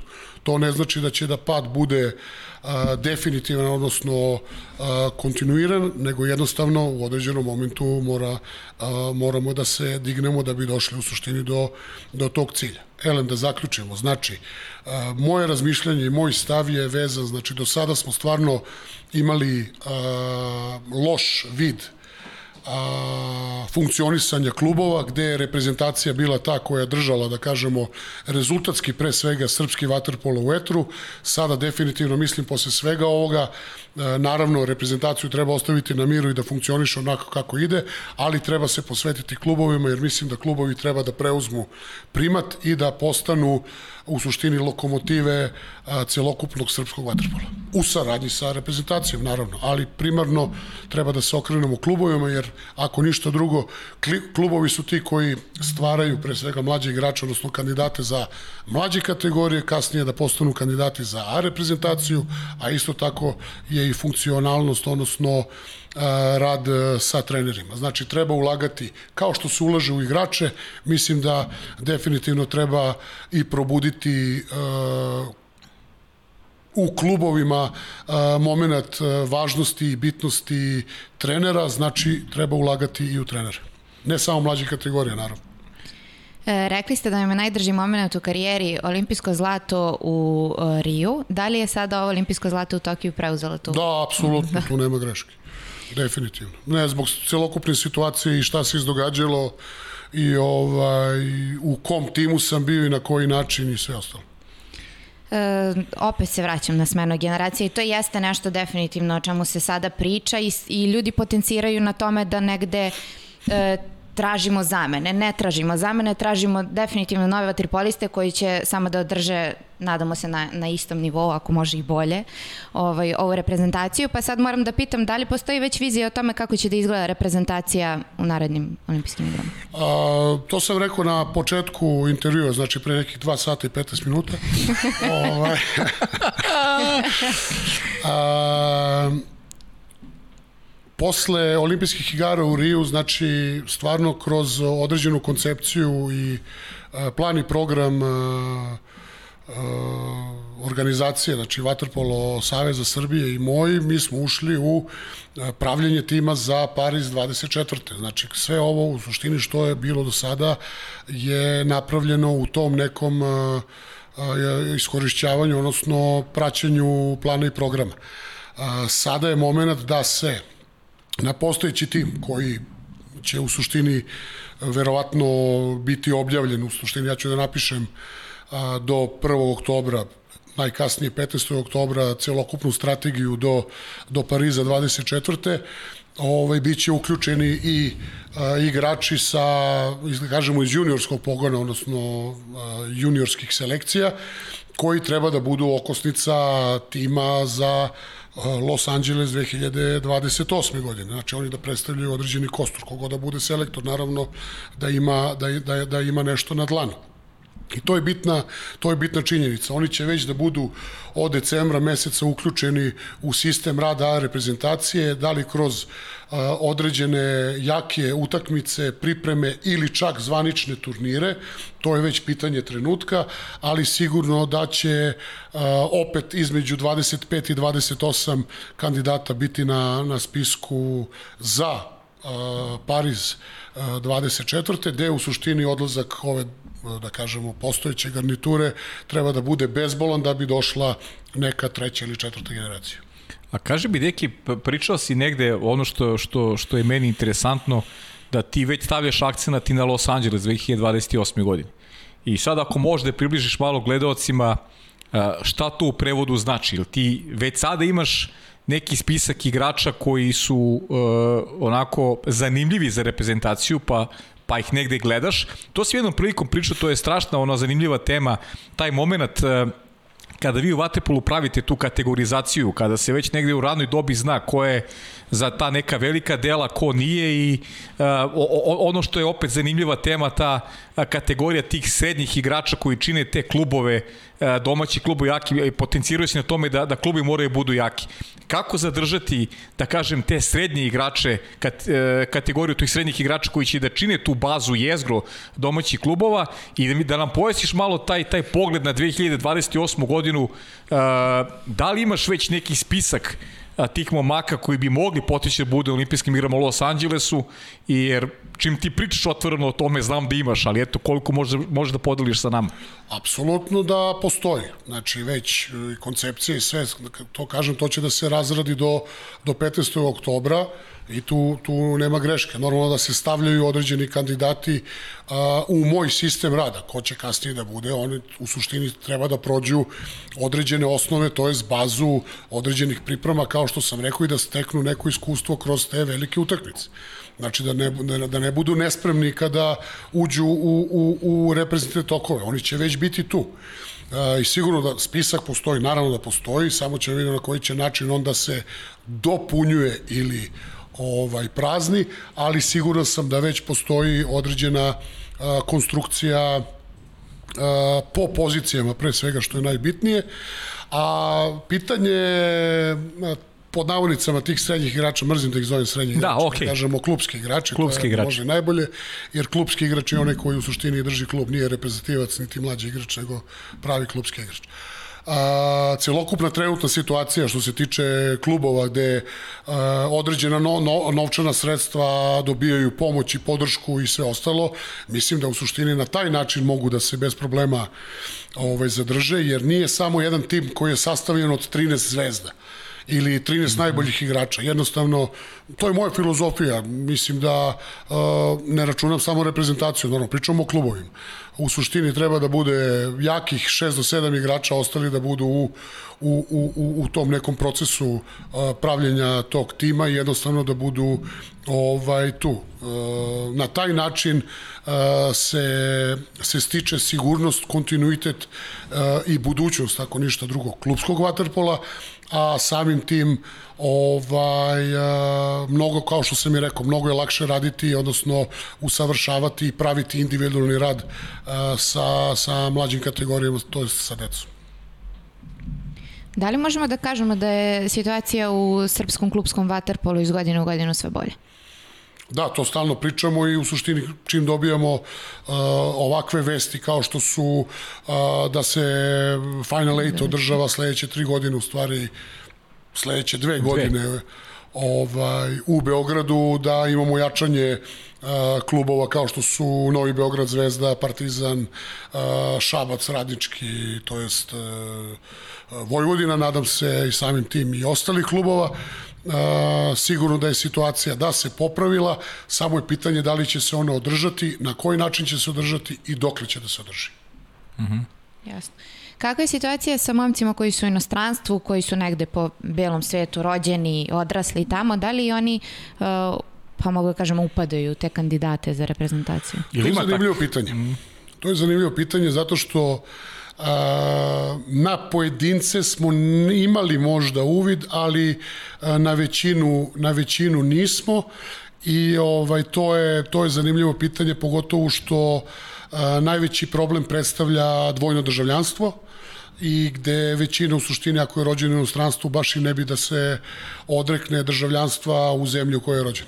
Mhm. Mm Pričao si mi svoje vremeno o onom velikom odlivu igrača koji su otišli na studiranje studiranje u Ameriku. Videli smo da ima primjera da se da se vraćaju sa koleđa i da igraju za, za jake evropske reprezentacije ili ima tamo nekih momaka koji su, koji su interesantni ili, ili, to, ili to nije slučaj? Mislim za Srbiju, jer znamo da Hrvatska, recimo Lovre, recimo Miloš, ili mi sa da. prvi pada na pamet, recimo, znam da ima još takih, takih priča. A, pa ima i u poslednje vreme, da, da vam objasnim ovako, a, a, u nekom konceptu Uh, ranijih godina, pre svega mislim na SFR, znači igrač koji ode na usavršavanje u inostranstvu, on se jednostavno briše gumicom i više nikad nije mm -hmm. kandidat za reprezentaciju tadašnje Jugoslavije, sada Srbije.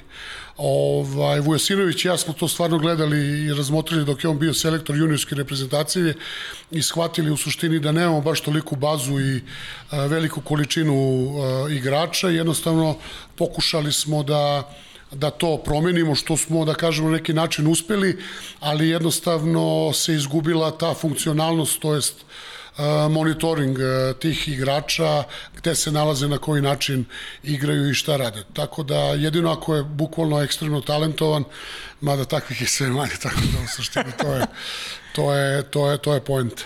Da. Koliko se Waterpolo promenio u odnosu na period kada ste vi počeli da igrati?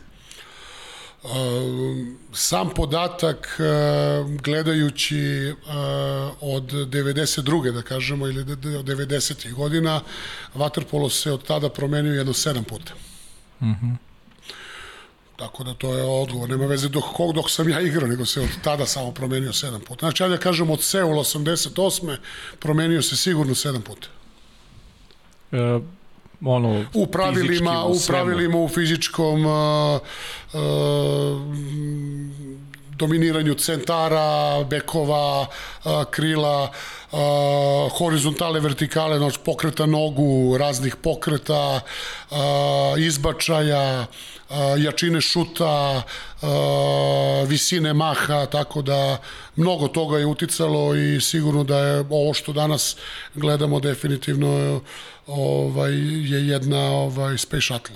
E, kaži mi sad ovo, znaš što mi je interesantno? Mislim, uh, ti si naslednik e, negde onoga što su postavili temelje Vatrpola, uh, Vlaho Orlić, Nikola Stamenić, a opet oni su popuno, da kažem, i sam kaže, promenio se Vatrpolo uh, mnogo u odnosu na taj period. Uh, koliko si ti samo onda morao da se menjaš da bi neke zahtevi igre prilagodio, da bi sebe usavršio, jer Jer sad ne možemo samo, ok, možemo pričamo o nasledđu neke takozvane jugoslovenske škole, ali to nije više isti vaterpolo kao što je bio. Koliko si ti morao sebe da usavršiš da bi mogao da se prilagodiš ovim modernim trendovima i da postaviš neke, neke nove i opet sad ti si taj ko, koga gledaju mlađi treneri, ti si taj koji treba negde da oblikuje i te mlade trenere da budeš ono što je svoje vremeno bio Vlaho Orlić, što je bio svoje vremeno Nikola Stamnić. Uh, u određenim segmentima uh, što je Boža Maljković stalno govorio da se moda i u sportu vraća. Uh. -huh. Određene stvari su se vratile i danas, u, ako ništa drugo, u pripremi, odnosno u tom nekom, da kažemo, motoričkom smislu. A nešto u suštini možeš da budeš vizionar, odnosno da vidiš pa da se to a, prihvati na razne stvari. A, treća stvar je da učiš od igrača, odnosno da vidiš a, njihovu kretnju, odnosno njihove a, položaje i, i moć, odnosno iskorišćavanja situacije, to jest izvršenja određenih pokreta i naravno konstantna ovaj priča sa kolegama koja može da bude izuzetno zdrava, ali može da ode i u drugom i u drugom pravcu da bude totalno nekorisna. E, u tom momentu je bitno znači, raš, raščlaniti o šta je potrebno, a šta je nekorisno. S tim što uvek to treba zapisati, kao što smo rekli, uvek nešto može da se ovaj, da se vrati. Smatram da Waterpolo u Srbiji uvek bio avangarda ispred, ispred da kažemo svih. Uh, ono što je zanimljivo moram da napomenem, a to je uh, pričali smo o japanskom stilu uh, koji su izuzetno preuzeli pre svega Španci koji su ga ovaj modifikovali u svom stilu i oni su možda sada preuzeli primat. Uh, što se tiče, da kažemo, tog modernog vaterpola, ali takav vaterpolo, recimo, ono što sam pričao Srbima i Hrvatima je nemoguće igrati, jer o, nemoguće igrati može da se igra na momente, ali tokom čitave utakmice ovaj, mislim da je to nemoguće. Za, zbog toga, u suštini, mi a, sagledavamo a, situaciju i moment na drugi način i ovaj bolji smo i dan danas u, u nekim drugim stvarima. Ali to vidiš, evo recimo, ja kao like sada pričam, promene pravila, posljednja promena pravila. Rekao bih da baš idu u prilog reprezentacijama kao što je Španija, kao što je konkretno Japan, gde se potencira toj nekoj, na toj nekoj bržoj igri.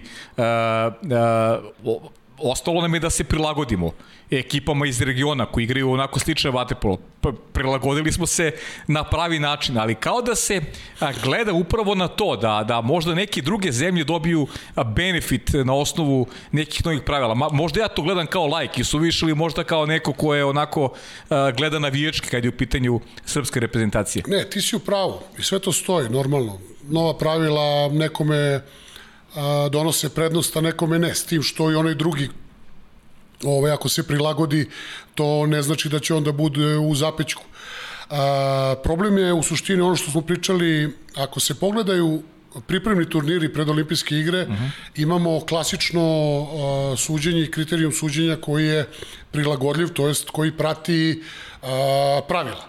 Uh mhm. -huh. a, sam odlazak na olimpijske igre, ovo što sam pričao u vezi a, faulova, bespotrebnih, čudnih, nevidljivih, jednostavno te dovodi do pitanja a, koju prednosti ako nije. I da li u suštini a, smo dobili brzu, energičniju a, igru, sigurno da smo dobili a, mnogo veće rezultate, odnosno vi, a, visoke rezultate, ali samo iz procenta igrača više manje. Znači, ako je 40 isključenja, opet se vraćam, Španija, Srbija, pa normalno da ćeš da dobiješ 20 ili 30 golova. Tako je. Ali sve su u suštini sredina igrača više i manje, što je, ovaj, ako se pogleda nova pravila, ovaj nije nije istinito znači to je u suština u suštini jedna izmišljotina. A Čikaratko Rudić je sad skoro re, rekao isto posmatrajući ovaj olimpijske igre u, u, u Tokiju rekao pa opet se sve vratilo na igru back centar znači tim stoji u lepezi i gleda da li će da ubaci loptu na 2 metra to jest da li će da li će da sudija svira isključenje bez lopte zbog kidanja beka na centru ili će da bude kontrafaul vi ako pogledate upad upad lopte na na 2 metra, znači nikad nije sviran običan faul. Mm -hmm. A kamoli da se da mogućnost veštine beku, beku da, da čapi loptu bez faula. To je katastrofa. Znači, danas beka možeš, ti možeš da igraš beka. Ja ti kažem, uhvati ovog za gušu i da. samo cepa i letiš napolje. Pa evo, A gde je veština? Da, Čemu da. ja da učim onda beka? E, Tako to su te, da kažemo, ove neke stvari koje, koje, koje danas ovaj ozbiljno smetaju. I, ili to što sam rekao, svi se stavi u lepezu, nema a, redko ko proplivava, uplivava, proplivava se zarad, da kažemo, taktičkih varijanti, a ne agresivnošću da se zabije go dobro, ne mogu da kažem da Srbija to nema, jer mi to radimo, no. ali u suštini to, to se, pa je se na taj način ovaj, popravila ovaj, prohodnost, odnosno brzina ili, ili, ili ritam utakmice. Pa nije. Eto, to je. Mm. Pa to je, recimo, gledam, naš Sava Ranđelović, recimo svaka utakmica, manje više ti ga u prvoj četvrtini, on već ima dve lične greške. Ti si morao tu da kombinuješ, da praviš neke uh, onako korekcije, ono opet je, kažem ti, gled, pričam kao lajk, da bi bekove sačuvao od toga da, pa mogu posle prve četvrtine da Dobro, da zarade te lične greške. Istine, ali danas u modernom vaterpolu realno svako mora da zna da da brani 2 metra, odnosno da bude bek. To ne, to, to igrač koji ovaj, to ne zna, on, on nije moderni vaterpolista. Mm -hmm. A pogotovo isto da ima veštinu uh, igre kao drugi centar. Ili ako ne, dobro, tu mu treba kilaže možda, ali ako ništa drugo, rekao sam veština, ako ništa drugo, samo da zagradi loptu ili dobijanje lopte. To, to su moderni igrači, sve ostalo, mislim, da. nema više kao je brzo krilo, ko je brzo krilo. E, znaš šta mi par sam prošao kroz glavu dok, dok Sara, kad si rekao ovaj, taj drugi centar, pa se seti Jakše, ovaj, pošto smo igrali fantasy, ovaj, Aleksandra je tu prvi put ovaj, u studiju, si vidio statistiku Jakšinu na, na olimpijski igra? Pa ja sam je pravio. Sjajno. Tačno, dobro. Pitam pogrešnog čoveka. Je, je, stvarno sam glupi ja. Šta si htela sad, ajde, prekini ovo gde sam ja neprijatan. ne, neću ništa da prekidam, nego da li da prelazimo već na pitanja sa Instagrama? Znaš kako, hoćemo da pređemo, samo imam, imam još, još neke stvari ovaj, koje bih pitao Dekija, mora da iskoristi njegovo prisustvo, e, da mi kaže šta misli koliko, se, koliko će se promeniti ovaj, vaterpolo mapa sveta. Vaterpolo je sport koji se igra na svim kontinentima i i ježim se od onih priča, mogu da budu prvaci pet ekipa, mogu prvaci da budu pet ekipa, pet ekipa može u futbolu da budu prvaci, to je najgluplja moguća teza koju neko može da kaže, ali znaš šta me zanima, svedoći smo bili na olimpijski igrama u Tokiju, koliko je jak francuski kolektivni sport i koliko ima jak sistem. Osvojili su medalju bukvalno u svakom kolektivnom sportu koji se pojavi, osim u Waterpolu.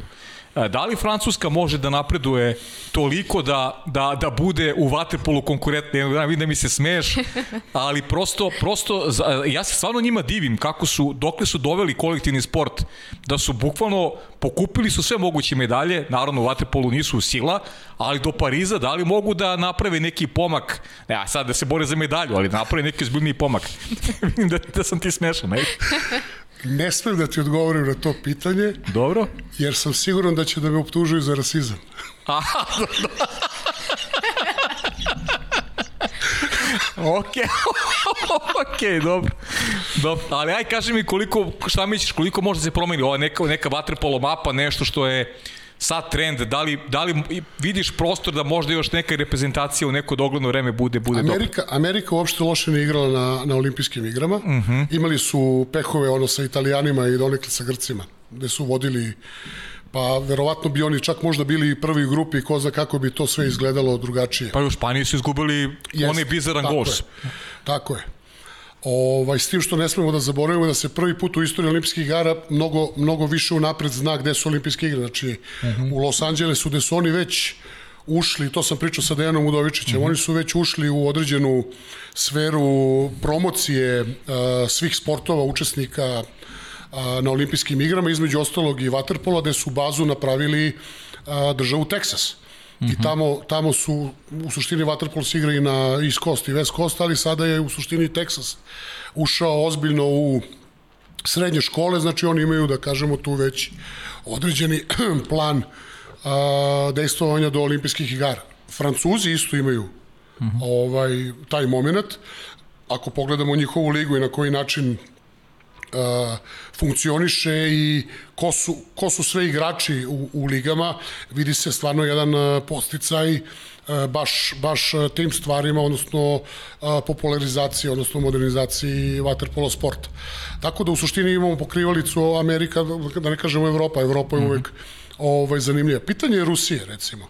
E, da. Ovaj, pitanje da, je Rusije, da. recimo, koja je stvarno jedna ogromna zemlja sa ogromnim kapacitetima i mogućnošću ovaj, razvoja vaterpola, a ovaj, a, dalje Australija kroz uh, ove probleme što imamo sa pandemijom, ali ako gledamo Ja sam uvek e, zagovornik onoga da dokle god e, žene igraju vaterpolo, one će trenutno u ovom momentu u modernom svetu uvek e, vući taj muški vaterpolo. Jer uh, oni imaju, da kažemo, raznovrsnije i mnogo jaču konkurenciju, pogotovo što sam rekao da će u Parizu verovatno da bude 11 igrača, baš zbog toga da bi se približili 12-12 timova da bude znači, izjednačeno, pre svega i zbog rodne ravnopravnosti, jer mi smo jedini sport na olimpijskim igrama koji ima a, različiti broj timova, znači muškarci imaju 12, a žene imaju 10. Uh -huh. Tako da će da, da to da se gleda. I siguran sam da ukoliko ove žene budu vukli muškarce, mislim da, da, da tu postoji a, mogućnost a, proširenja a, vizije a, vaterpola u svetu. A da li može ženski vaterpol ovde da, da dobije neku veću da kažem potporu posle? Ja mislim da da je to ovaj ozbiljno pitanje na koje ćeš dobiti odgovor da je to uh, vrlo vrlo potrebno. Mhm. Uh -huh i da to smesta u suštini mora da se, da se gleda na koji način ne samo popularizacije nego da se iskoristi ovaj celokupni moment i da se krene već u određeni sistem komunikacije, razrade planova, odnosno određene strategije razvoja ženskog vaterpola u Srbiji. E, još sve stvari ću te pitati pre pitanja gledalaca, izvini, moram da iskoristim tvoje prisustvo, pa možda ako imaš još ti nešto dodaš posle toga, pre nego što pođemo na pitanje gledalaca. Marketing, neizbežna tema i ono što, što meni smeta kao, kao mogu slobodno kažem čoveku koji koji obožava vaterpolu i koji, koji poštuje evo, do ono krajnje granice ovaj sport, da li možda se iskoristi bolje rezultati koji, koji se prave, koji pravite u kontinuitetu, ponoviću, ko zna koji put od 2000. godine reprezentacija ove zemlje nije propustila priliku da osvoji olimpijsku medalju. Dakle, to je jedan period od preko 20 godine, a verujem da bi bilo i drugačije da nije bilo tih sankcija i tako dalje. Dobro, to je sad moj stav nebitno. Da li može na tom planu nešto da se da se uradi više, da se ne priča o vaterpolu samo kad doneste zlatnu medalju, nego da to ima neku onako potporu jasniju, da, da taj sistem finansiranja bude stabilan, da, da, da, da onako imate jedan apsolutni mir u radu u nekom periodu narednih 20-30 godina, jer ovo je, vaterpolo je prosto najtrofejniji sport koji Srbija ima. Ne, ne, nema bolje jednostavno. Pa sigurno da postoji uvek prostor za, za napredak. Jednostavno ono što je što bi trebalo da se vidi je e, na koji način funkcioniše ono, da li finansijska konstrukcija, odnosno posticaj ulazi u zakon o sportu i na koji način je on ovaj, u funkciji a, s druge strane i ljudima koji, koji se bave drugim branšama ulaganju u sport, naravno da bi mu da, sa druge strane da se vrati. Nešto što su, su, su u suštini imali i imamo u zemljama okruženju i što je sasvim normalna stvar. Najgora stvar koja može da se desi je a, večita, da kažemo, ova pomoć države koja u suštini je neminovnost ili ne daj Bože uslovljavanje ulaganja u sport što ovaj nije nije dobra nije dobra stvar i uh, završi se nezadovoljstvom jedne strane mm -hmm. uvek tako da sigurno sam da može da da se uh, napravi uh, plan i jednostavno da se da se odreaguje na pravi mogući način. Uh, sigurno da menadžeri, odnosno marketički stručnjaci ne treba da budu uh, sportisti tog sporta, nego jednostavno da se bave svojom branšom i da gledaju u suštini kako da se iskoristi uh, prilika, odnosno moment kako se zove, ulaganja u, u pre svega u vaterpolu, pošto pričamo o vaterpolu. Uh mhm. -huh. I još jedno stvar ću pitati na kraju, to je direktno pitanje za ono čime se ti baviš, struka. Uh, Da li ima dovoljno trenera, da li ima trenera poput, e, ne znam, Mirka Bosanca pokojnog i ostali koji su e, onako utabali stazu mnogim generacijama vaterpolista, a da li e, poput vraćanja igrača iz inostranstva treba raditi na tome, znamo koliko trenera iz Srbije otišlo put belog sveta i rade negde negde i uče, uče prosto igrači iz drugih zemalja uče, uče ovom sportu. Kako napraviti taj sistem da, da struka postane stabilna, da imamo dovoljno trenera koji će posvetiti pažnju radu pre svega sa tim najmanjim uzrastima, nešto što su eto svoje vremeno kažem radili ti treneri koji eto i kroz ovaj podcast vi ih nikad ne zaboravljate, pa eto nije nije zgorek da ih pomenemo i ovog puta. Uh, vaterpolo treneri u Srbiji su trenutno, da kažemo, na na jednoj ivici, bukvalno. Nezadovoljni su, nesrećni su, sa druge strane mislim da su u jednom ogromnom zapečku jednostavno to mora da se, da se promeni. jer uh, uvek ćemo da se vratimo na financije, što će da kažu da debeli dovoljno da pričaš o finansijama pa da svi budu srećni. Ne, jednostavno uh, mislim da, da, da je to moment, uh, ako već imamo podsticaje od države, određena, određena svota novca da mora da prođe kroz ruke trenera, jer na njemu je najveća odgovornost. Kod mene je jedina odgovornost koju imam, to je rezultat. Mm -hmm. Što realno jeste. Yes. A svi ostali treneri, da ne kažemo treneri prvih timova, klubova, ovaj, da kažemo treneri spomenuo si pokojnog Mirka Bosanca, znači, koji su pravi selektori, koji vrše selekciju, koji u suštini rade sa tom decom. Njihova je najveća uloga, odnosno odgovornost deteta. I kako on ako je nezadovoljan celokupnom situacijom, pažnjom, finansijskom nemogućnošću, da kažemo, za napredak i sve to, ovaj, kako on da, da, da funkcioniše sa tim detetom. To je u suštini možda glupo je mešati babe i žabe, ali da poredim recimo sa prosvetom, odnosno sa učiteljima, nastavnicima, profesorima. Jednostavno to je tako. I opet ovaj to mora da se to mora da se popravi i na određene načine znači stvarno mi kroz udruženje vaterpolo trenera pokušavamo stvarno određene, određene stvari da poboljšamo, pre svega kroz, da kažemo, seminare ili obuku. Naravno, sad je sve to u zapečku zbog pandemije i moram da priznam i da se izvinim svima zbog e, moje nemogućnosti, nemogućnosti jer sam ovaj bio prezauzet e, olimpijskim igrama, ali u svakom slučaju postoji e, određeni plan, pre svega edukacije i mogućnost razvoja a, pre svega vaterpolo trenera u Srbiji što se tiče mlađih kategorija, kod priču i sve ostalo, dobili smo i učbenik, imamo Tako ovaj, je. određene stvari kroz koje može da se vide, kroz priču i kroz sve ostalo, ali sam uveren i siguran a, da a, približavanje komunikacije između kluba i trenera mora da postoji, mora da bude na mnogom višem nivou, na neki način da se treneri osjeća, osjećaju zaštićeni, sigurni i tek onda u suštini može da se a, prione radu, a to pre svega mislim kroz određeni sistem koji treba da bude ovaj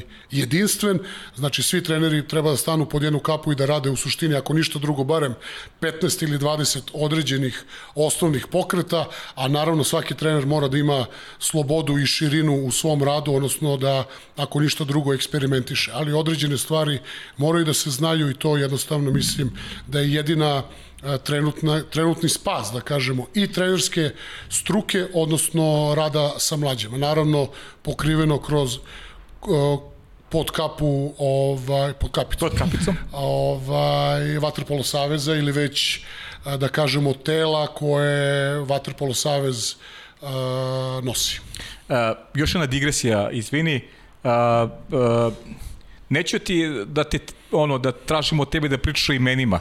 Kako si ti zadovoljan generalno strukom kada pričamo o Srbiji pa čak i trenerima iz Srbije koji radi u inostranstvu, da li vidiš tu da postoji onako jedna baza trenera koja će biti od velike koriste srpskom vaterpolu? I ono što je još jedan problem o kome je otvoreno ovde pričao Nenad Vasilevski Kole, pro, problemi sa roditeljima, nešto što ranije nije bio slučaj, a, tvoja generacija je rasla tako da a, ideš na trening i zna se ko je i tata i mama i a, to su treneri, a danas je su stvari popuno drugačije da je onako roditelji dolaze na treninge i tu se pravi neki onako a, neki jaz koji je onako nije dobar, da li roditelji nisu svesni da to uopšte za djecu nije dobro, ali ok, to su sad opet neka moderna vremena o kojima, o kojima govorimo. U vezi trenera to ne mogu da ti odgovorim jer ja uh mhm. -huh. nikom nisam šef niti nadređen i tako dalje, ja sam samo jedan od njih, tako da u uh mhm. -huh. suštini ovaj, ne mogu da, da pričam i da okay. ocenjujem druge. Okay. Jer realno, realno je tako. A, problem sa roditeljima je stvarno u suštini velik i tu nema greške i sigurno da su mnoge stvari zapuštene, puštene i jednostavno nemaju trenutni, a, trenutnu mogućnost rešavanja. E sada, a, ima jedna druga stvar, gde ne možemo stalno da kritikujemo roditelje. Ne, ne, okej. Okay. Jer u suštini a, celokupni sport, mlad, mlađi sport, ako pričamo o vaterpolu, je na teretu roditelja.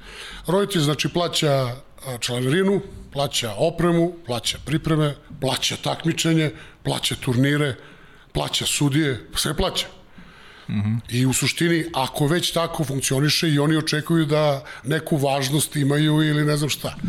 Totalno druga, drugi aspekt uh, roditelj što previše očekuje od deteta ili od sistema ili što u suštini zavisno od kluba u kom se nalazi oni već ocenjuju da li je on reprezentativac, nije reprezentativac i to, to je već totalno druga priča. Ali u svakom slučaju ne treba stalno da kritikujemo roditelje jer mi moramo da, da sagledamo baš ovo što pričamo i klubovi, pa ogroman je teret, pogotovo finansijski. I u suštini to je, to je da kažemo, To su problemi koji se naslanjaju jedni na drugo, na drugo i jednostavno je pitanje na koji način i ko će da ih rešava. Mm -hmm. Klub, reprezentacija ili trener. Mm -hmm. Jer ova, imamo milion, milion primera od toga da roditelji vole da sastavljaju i timove i kako se ponašaju na tribinama i sve šta, šta, šta se radi i tako dalje. Ali to je u suštini re, naša, naša surova realnost, jer nije to samo u vaterpolu, mislim da je to i u ostalim sportovima. A, mi imamo možda sreću u nesreći, da kažemo, celokupnog društva, da, da nismo sport koji donosi ovaj, veliku zaradu, to jest novac, zamisli, ovaj, da li bi vaterpolo funkcionisao ovako da imamo menadžere, odnosno kupoprodaju igrača na taj način koji je u ostalim sportovima, da ih ne imenujem i tako dalje, tako dalje. Mislim, to su ozbiljni, ozbiljni problemi kojima treba znači prići a, striktno znači kroz klub, ali i reprezentaciju, ali i ovaj nacionalne sportske saveze, odnosno do samog e, ministarstva, jer to je stvarno prevršilo sve mere granice. Ok, Deki, istrpeo sam te, a? Pa nisi, ja sam počeo da se ponavljam. Ne, ne, ne, nisi, ne, ne. nisi super si, bi si ja mogu da teram sad ovako još dva dana. Aj mi daj Vanja ovaj posljednji, posljednji video pa da pređemo pitanja gledalaca. Pozdrav svima u studiju. Evo, zato mi je teško bilo da smislim pitanje za Dejana koje bi bilo prikladno za emisiju, ali evo, neka bude e, da li je, prošli smo mnogo toga zajedno i dobrih i momenta i teških i ja bih ga pitao da li je u sve to vreme bio neki moment kada je pomislio da jednostavno ne može više i da je htio da digne ruke od svega to je da, da odustane. I naravno, ako jeste bilo, koji je to moment bio, ako može da vam kaže. Hvala i pozdrav još jednom svima. Hvala puno, Mići. A, ne, ni jednog momenta, da kažem, nisam imao trenutak odustajanja. Ovaj, bilo je teških, teških, teških situacija i momenta, ali ovo ovako nikad, ne, nisam razmišljao. Uh, sigurno da, da su takva razmišljenja pre svega bilo od njih samih, pošto njima, da kažemo, bilo, bilo mnogo teže baš u tom iscrpljujućim fizičkim sferama pre svega priprema. Uh, Ovaj, ali ne, ovo je baš zanimljiva situacija. Možda je najgori u stvari trenutak uh, bio, pa ne znam, kad je ponestalo pivo, tad je možda bio neki najgori mogući trenutak. A gde? Gde kad je ponestalo? Bilo Na olimpijskim gde? igrama, da. Na olimpijskim igrama. Misliš da da je najteži bio 2013. dobro. Barcelona. Ne, to je, to je otržnjenje, to sam rekao, to je ozbiljan, ozbiljan moment uh, u suštini nekog zaloga za budućnost, to jest uh, moment koji je svima nama bio potreban, a meni možda i najviše. Mm to smo se vraćali sto puta. Jesmo, pričali smo o tome, ok, ali dobro. Da. Dobro, znači ipak nedostatak piva i netični moment. Dobro. Ajmo na pitanje gledalaca, ajde. Jer bi mogu ovako da ga držim kao da bude talačka kriza do sutra. Ništa, prelazimo na pitanja gledalaca. E, Jelena Stojanović e, kaže šta je po njegovom mišljenju bila naša najjača, a šta najslabija tačka u igri na ovim olimpijskim igrama?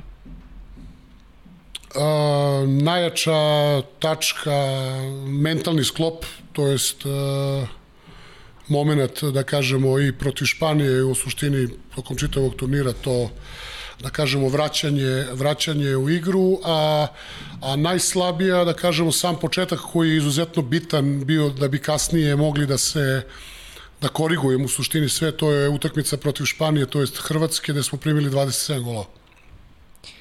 Dobro, šta će biti najvažnije preneti na nove generacije kako bi se održao približan nivo do sadašnje igre?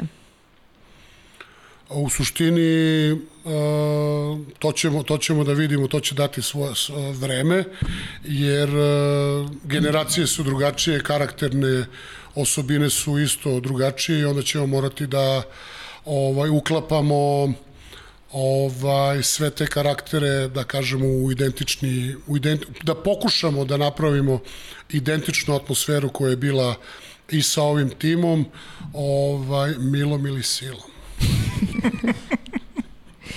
e, ključni momenti u drugoj utakmici protiv Španije po njegovom mišljenju A, ključni moment u drugoj utakmici protiv Španije. Pa polufinala. Pa dobro, to smo rekli već. Verovatno da. VAR, ali reakcija, ono što sam rekao, reakcija igrača je bila uh, sigurno uh, normalna, uh, jer, uh, ajde da kažemo, ta nepravda u suštini pogađa, a s druge strane ja sam tu bio stvarno skoncentrisan sve vreme samo da im pokazujem da su izgubili glavu zbog ovaj, totalno nebitih stvari. Kaže, pitanje, kod koga je završila Lada Niva Chevrolet koji je kupio sa Dačom Ikudinovićem i Vladimirom Gojkovićem? Kod Kolja Maksimova, golmana kazanskog tima. da, to je stvar. E, e sad, e, Sandi Mertelj, pozdravi e, Slovenije e, svim šampionima, za Dejana se sve zna, radi sve za tim i kao igrač i sada kao trener najbolje rešenje ima kada najviše treba kada se odlučuje. Pitanje koji igrač je najviše napredovao u odnosu na prošlu olimpijadu? Uh, igrač koji je... Najviše napredovao, znam da to nećeš reći, ali nema veze. Bani Mitrović. najmlađi, najmlađi. Najmlađi. Pane Mitrović. Dobro. E, šta ti najviše smeta na olimpijadi i šta najviše voliš? A, smeta mi monotonija, a najviše volim da posmatram ljude, to jest e, sportiste u menzi, ono, da sednem i da posmatram ljude oko sebe. To najviše volim. Ja, kaži mi, si ti ostao neki utisak na te, ovo ti je već ko zna koja olimpijada, ali ima neko ko ti posebno ako ostaje utisak da ti onako neko U kom smislu? Pa u smislu nekom, ne znam, da, da, da ti je onako, ne znam, uh, sportskom, nekom, pa, karakternom, nemam znaš pojma. Šta, nisam ja to toliko, da kažem, izlazio, ovaj, bio sam stvarno uh -huh. uh, pocepan ovim obavezama, tako da ovo mi možda i olimpijske igre gde sam najviše proveo ovaj, u sobi. Evo, evo, evo pitanje sada da prekinemo Sandija. Aleksandra ima mnogo pitanja, tu je naša draga Aleksandra, rekao sam desna i leva ruka našeg podcasta. Koje su sličnosti Novaka Đokovića i vaterpolo reprezentacije? Uh, pa teško je uporediti individualni kolektivni sport, mislim da je individualni mnogo teži i pogotovo Novak čime se bavi i sto puta je to pokazao, ali pošto moram da odgovorim na pitanje, neka bude uh, mentalni sklop, odnosno mentalna snaga koja sigurno na njegovom, na njegovom nivou je mnogo veća. Uh mhm. -huh. Jer ovde u suštini je kolektiv, tako da jedni druge mogu da vuku. A imaju, a imaju ovaj, ovaj, kako se zove, trenera koji mora da im radi mentalnu higijenu. Dobro. E, Sandi Mertel opet pita da li će sledeće e, pripreme za olimpijadu biti opet u Kranju. A, nadamo se. Nadamo se, gledat ćemo da budu. Jedina stvar je da će nam dozvoliti Danijeli Kodinović. pozdrav Dači, pozdrav Dači. e, sledeće pitanje je gde sebe vidiš za 10-15 godina? da. Pa u Waterpolu šta? Pa ne znam, vidjet ćemo. Za 10-15 godina, pa mnogo je. no, pa do, Sandi ima ovaj... Da. Sandi je veliki poštovala srpskog vaterpola i kažem, redovni, redovni je ovaj učesnik ovog podcasta. Da li postoji mogućnost da se organizuje neki vid kursa za mlade, nove trenere u Srbiji, kako bi se struka vratila na e, željeni nivo? To je Aleksandar Pantić, rekao sam ti momo to koji... Imamo, to imamo i u suštini to kroz udruženje vaterpolo trenera se radi, čak šta više imamo i snimke raznih seminara koje smo radili gde su bili izuzetni ovaj gosti od da kažemo samih igrača do iskusnih profesora i sportskih radnika iz vrhunskog sporta. Sledeće pitanje je isto Aleksandar isto. Pantić. E, pošto je očigledno da se u današnjem vaterpolu sve više daje prednost napadaču i da se igra u napadu manje, igra u napadu manje više svodi na igru e, 6 na 5, da li misli da je fair da se vrati pravilo odbrane sa dve ruke? Pa nije da nismo razmišljali o tome, da, ali ovaj, to je zanimljivo pitanje i koje, koje ima, ima, ima smisla. Ali mislim da se onda isto i gubi veština ovaj, u, u tom, da kažemo, bloku i jednostavno možda do određene kategorije da bude da bude sa jednom rukom, a posle u suštini u, u A timu bi, bi moglo. Poslednje pravilo dve ruke mislim da je bilo 2006, ako se ne varam. Ovo, imalo svoje prednosti i mane, ali uopšte nije loš predlog. Ja bih ga vratio. Da li je moguće ponovo organizovati razmene mlađih igrača, pionira i kadeta sa susednim zemljama? U moje vreme mi smo išli u Ameriku, Mađarsku, Hrvatsku isto, Pantić. A, to i dalje postoji na klubskom nivou. Mislim da svi klubovi ovaj, to uveliko, uveliko rade, normalno sa mogućnostima i e, finansijskim zahtevima. Uh, hoćeš ti sad Aleksandrina pitanje? Ne, možda nastaviš slobodno, pa ću ja na, na pa kraju. ništa, imam samo konstataciju. Raduje me činjenica da je Partizan uspeo da e, se dogovori sa opštinom Voždovac i dobije korišćenje bazena u narednih 50 godina. Čestitke novoj upravi i nadam se da će Partizan uspeti da obezbedi osnovne potrebe za rad vaterpolo škole. Slaže se sa celokupnom uh, pitanjem, dakle, ako je mhm. pitanje ili kons, mhm. konstalacija, mislim. Da, da može da prokomentariš. Tako je, ovaj, izuzetno značajan a, moment za Vaterpolo klub Partizan, u suštini ono što im je najpotrebnije, to je bazen i jednostavno mislim da, da je završen ogroman posao, ovaj, stvarno jedna izuzetna saradnja, nadam se, između opštine Voždovac, gradske uprave, odnosno Vaterpolo kluba Partizan, ovaj, koji, koji u suštini samo još treba da se realizuje. Imamo pitanje ko je imao najbolji jednoročni backend levicom u kraju na terenčetu. Znaš ko je postoji, znaš ko postoji pitanje? Smiljan Banjac. Smiljan Banjac. Ta isti. Ta isti. Ekipa sa Miljakovca. Pozdravi za Bakija. Dobro. Andri. Imaš još jedno pitanje koje sam ti poslao, a ovaj nije hteo da se potpiše čovjek. Mm, Koliko su nedostajali najstariji Paja i Deki na olimpijskim igrama? Aha. Pa ti sa pogodi koje postoji pitanje. Nisam razumeo. Koliko su nedostajali Paja i Deki na olimpijskim igrama. A, Paja Pavlović i Stejović. Ja, pa sad razmišljam Paja i Deki, razumeš? Da me zezaju ti ja, mene, da. ja. da. Totalno sam se zbunio. Pazi, totalno sam se zbunio. A, oni uopšte nisu nedostajali zato što su uvek bili deo i ostaće deo ovog tima. To. E, Stefke 9970, da li je tačno da Bane e, Mitrović ostaje u reprezentaciji, to smo rekli? Da. Da, to da, nikada nije bio ni slučaj. Tako da, je. Dobro. E, Lena 7 pita da li je imao ponudu da se tokom e, karijere vrati u Partizan? A, da. I nećemo da. dalje o tome. Ne treba dalje. Da. Dobro. Odgovorio je. Kako spremiti i motivisati psihološki zasjećenog igrača? Ha. A, pristupom i u suštini jednim lepim razgovorom da se vidi gde je problem, u stvari gde je ta a, zasićenost i u suštini pokušati ovaj određenim pristupom a, pa makar i kompromisom da mu se izazove ponovno glad. Mhm. Mm E, šta mu je bitno kod igrača što se tiče karaktera i kao osobe, koji su to kvaliteti koje traži? Ne mora on da bude, da kažemo, dobar čovek, ali treba da se uklopi u tim i da samo poštuje pravila igre. E, pozdrav za selektora i veliko hvala. Da li postoji način i želja da se igra e, letnja liga? Od uvek e, se o tome priča i uh, E, to je stvarno jedna ono moment i želja e, ne samo e, trenera nego i klubova, ali jednostavno zbog da kažemo i kalendara i svega toga ostaje za, za sada ostaje pusta želja. A imamo primjera i za vreme sankcija, znači čuveno prvenstvo 93-94 koje je bilo ovaj neverovatno i jednostavno jedno možda od najboljih ikada što se tiče popularnosti, popularizacije i same jačine. E, zbog čega Miloš Ćuk nije bio u Tokiju?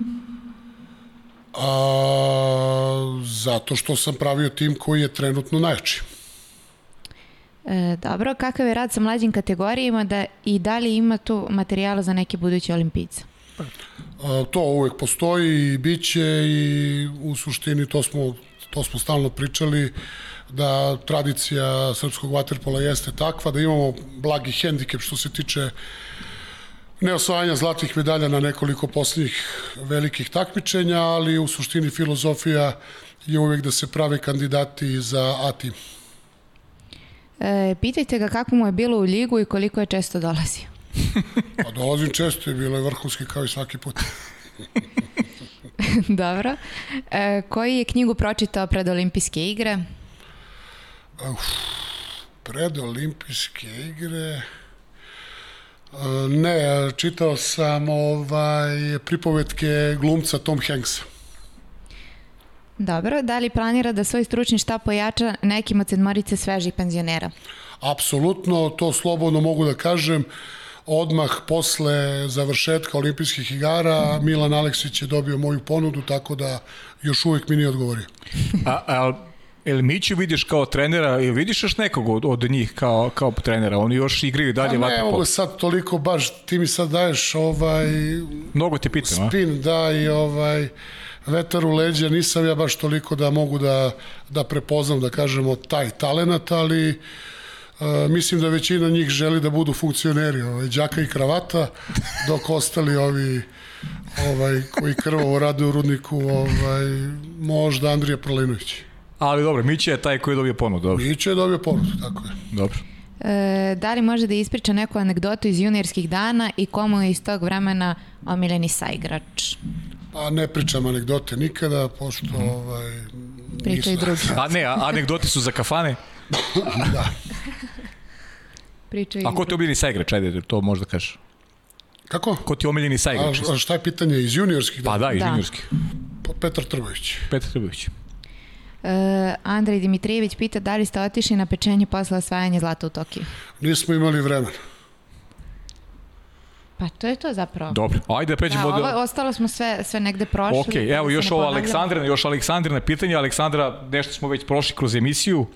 Kaže, vaterpolisti su govorili koliko im je teški trucima u Riju značila podrška od Dragana Jovića i Saši Đorđevića. Da li je bilo u Tokiju takve situacije i međusobne podrške? Koliko znači kada neko iz olimpijskog tima osvoji medalju? Apsolutno, držali smo se svi kao jedno, stvarno ovaj, od Dragana sam imao, on, on se vratio, mora da se vrati ranije i bukvalno mm -hmm. sve vreme smo bili na vezi i slao mi je poruke, čak i određene a, pesme koje bih trebao da slušam sa normalno tradicionalnim melosom i dugo je stvarno svima zahvalnost jer ovaj, stvarno smo funkcionisali kao, kao tim i kao jedno, ne, u, ne kao različiti sportovi, nego stvarno kao Srbije. Da li si Milošu Koroli nakon novog uspeha poslao poruku gdje ima još oni koji dobili državno priznanje? Ajde, čao. Ajde. Nisi, znači, posle dobro. A, ka, nedavno si rekao da smo u finalu prvenstva Egipta imali dvojicu naših trenera. E, Aleksandra se piti. Interesuje me koliko utakmica odgleda nedeljno tokom klubske sezone i da li poput nekih futbolskih trenera gledaju veliki broj utakmice čak i u drugim sportovima kako bi nešto novo naučili. A, pitanje za mene ili za, Za tebe? dvojicu? Ne, za tebe, za tebe. A, toko klubske sezone. Pa da, da li gledaš utakmice drugih sportova? Koliko Ovako, vaterpolo, da li gledaš i druge sezone, znači svake nedelje, sedmice u stvari, sigurno to je 3-4, sigurno, a, a kad je Liga šampiona u suštini ide sve, zato što ovaj, sad je Liga šampiona takva da je, da je jedno kolo praktično u dva dana 10 utakmica. Uh -huh. A što se tiče drugih sportova, pratio sam rukom i moram da priznam da me korona totalno ovaj uništila u praćenju svih sportova. Stvarno sam bio jedna enciklopedija ovaj e, ostalih sportova, ali jednostavno čak sam i fudbal ovaj prestao da pratim, uh -huh. a što se tiče profesionalno sam rukomet najviše voleo. Uh -huh. I evo činjenice na olimpijskim igrama prvi put da nisam ispratio bukvalno ništa, znači ne znam ni plivanje, ni atletiku, čak nisam i svoj čuveni badminton nisam gledao u, u, u merama koje sam voleo. Da, kao olimpijski, to je meni fenomenalno. Ovaj, manje više rezultate znam, ali jednostavno nisam imao vremena. Da. Ali mislim da je mislim da je i ova da me da me korona učinila malo i depresivnim tako da nemam pojma ništa. Uh -huh. A kaži mi jedno lično pitanje, na, na skali od 1 do 10, koliko te nerviraju moji komentari prenosa Lige šampiona? Pa ne toliko, više mi nerviraju greške. Greške više nerviraju, dobro. Kaže, gde pronalaziš inspiracije, nove ideje koje stalno vidimo da primenjuješ e, i smišljaš u zavisnosti od protivnika? A sve je Aleksandar na pitanje. Pa nisam o tom, ne znam. e, Imao sam divnog e, profesora fizike u srednjoj školi koji je bio strah i trepet, koji stalno ovaj pričao o tome da kako treba da se a, okrećemo i gledamo oko sebe i da inspiraciju i sve bukvalno odgovore tražimo u prirodi, tako da je verovatno to to. Znači od prirode i od drugih. U čemu je glavna razlika između Dejana Savića, igrača i trenera? U disciplini. U disciplini. Uh -huh. I si, ko- koliko si naučio iz svojih grešaka, koliko si implementirao onoga što su bile tvoje greške kao negde igrača, klinca uh, u, u, u ovaj trenerski posao? Sve sam naučio od svoje grešaka. Li tako? A, ali dobro da, ali dobro, pazi ovo, ali, ali pazi, čovjek nekad ne nauči ništa, ono, znaš, pravi greške i stalno ih ponavlja. Bitno je naučiti. E, da li misli dalje da je utakmicu Rio protiv Hrvatske utakmice života ove generacije ili je posle Tokija to neka druga? Španija možda. Ah, jel ima koje posla? Aleksandar? Aha. Sve su Aleksandra pitanja za Pa kraj. ne, istina je da pred, pred finale u suštini da sam rekao da je utakmica života njihova bila u Riju, uh -huh. ovaj, a da im je ovo sada pitanje života.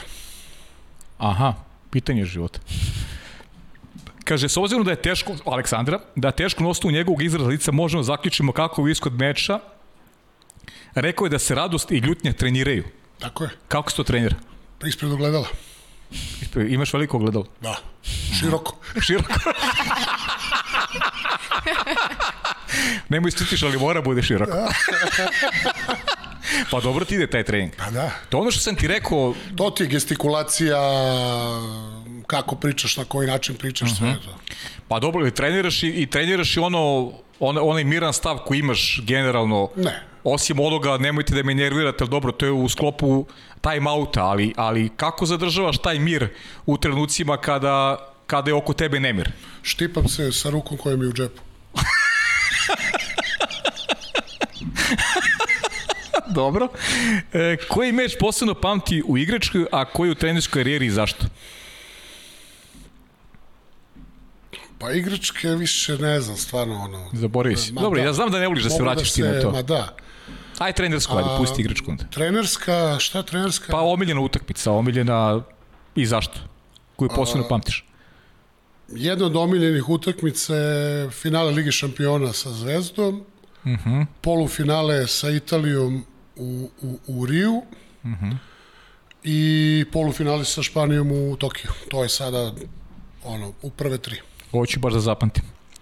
Kako je biti direktor preduzeća za medalje, kako te često nazivaju? Sve Aleksandar.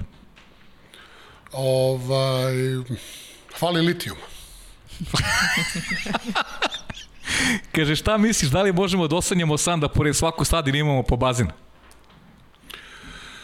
bilo bi previše, ali dovoljno, dovoljno u suštini da pored svakog stadiona bude i olimpijski kompleks, odnosno i sa bazenom, to jest sa halom, odnosno određenim propratnim e, e, stvarima za i individualne sportove. Znači ne samo za ovaj kolektivne. Da li, ono, priča, da li su krivi taban i loša kičma i problem sa kilažom glavni kriva za to što je krenuo na vaterpolo? A, u suštini ne i da, ali mm -hmm. zanimljivo pitanje zato što moram da se osvrnem, sad sam ozbiljan, znači nisam, Ok, ok. ne, šalim se, mm -hmm. a, nisu to više primarni a, problemi a, dece od 12 do 16 godina, mm -hmm. nego ovaj gojaznost, asma i sve više dijabetes. Nažalost, tako, takvi su podaci. Pa i oni podaci koji si, ono, pričali smo o tome, već nije zgore ponoviti e, koliko imamo neplivača, 26%, pa to se zna. 26% neplivača, Ne, ne, a ne, 26% zna da pliva. 26% zna da pliva, 26% zna da pliva, a dvostruki Ali ovo je, ovo je stvarno ozbiljno, ozbiljno Ne, ne, ozbiljno, okej. i ozbiljno, ozbiljno sam ti rekao, znači na prvom mestu da. ti je gojaznost, asma sve više i ovaj diabetes. Kod dece u uzrastu od 12 do 16 godina. Strašno. Nisam znao taj podatak, zaista. E, kao mali želo se budeš kuvar ili pilot, Tako je. Da, da. ali ipak vate pološ. Pa dobro, Al- ovaj, za, za a dobro- pilota verovatno nisam ovaj, mogu da stanem u avion, šalim se. Ovaj, Da, dobro, okej, okay, ali a, pitanje akademije i svega toga, a Kuvar je bio stvarno ovaj, a, jedna od omiljenih emisija je bila male, male tajne velikih majstori Steo Karapanđa. tako des, pa je to, to ti ja pamtim, ovi, ovi, ovi ne znaju, ovi, ovi mlađi. Da, A, a e, dobro ti da, da kuvaš možeš i sad ako, ako želiš, mislim, ali ja ne znam da li se hvataš ovaj kutlače uopšte. Pa mislim, ponekad. Ponekad, da. ponekad. Vojni pilot, mislim da nema klinca koji nije hteo da bude Pa vojni tako pilot. je, baš to je. Da, da. Kako se osjeća kao predavač na fakultetu za sport u Nišu? a, izuzetno relaksirano i zadovoljavajuće ovaj srećno zato što su mm -hmm. uvek e, zanimljiva pitanja. Da. A da li dalje najviše voliš da se voziš nedeljem ujutro praznim beogradskim ulicama? A sve ređe i ređe, ali to mi je stvarno bio jedan od e, omiljenih e, dešavanja u mom životu tokom sedmice. E, da li je Zlato Tokio adekvatno prosenje po gurmanskom pitanju u Steliću, glavu u Škembetu, Brizli i Čorba Spasu i to samo rezervisano za ste u Kranju? Veliki pozdrav, istine. To su sve specijaliteti koji smo inače jeli u Kranju. U Kranju, tako?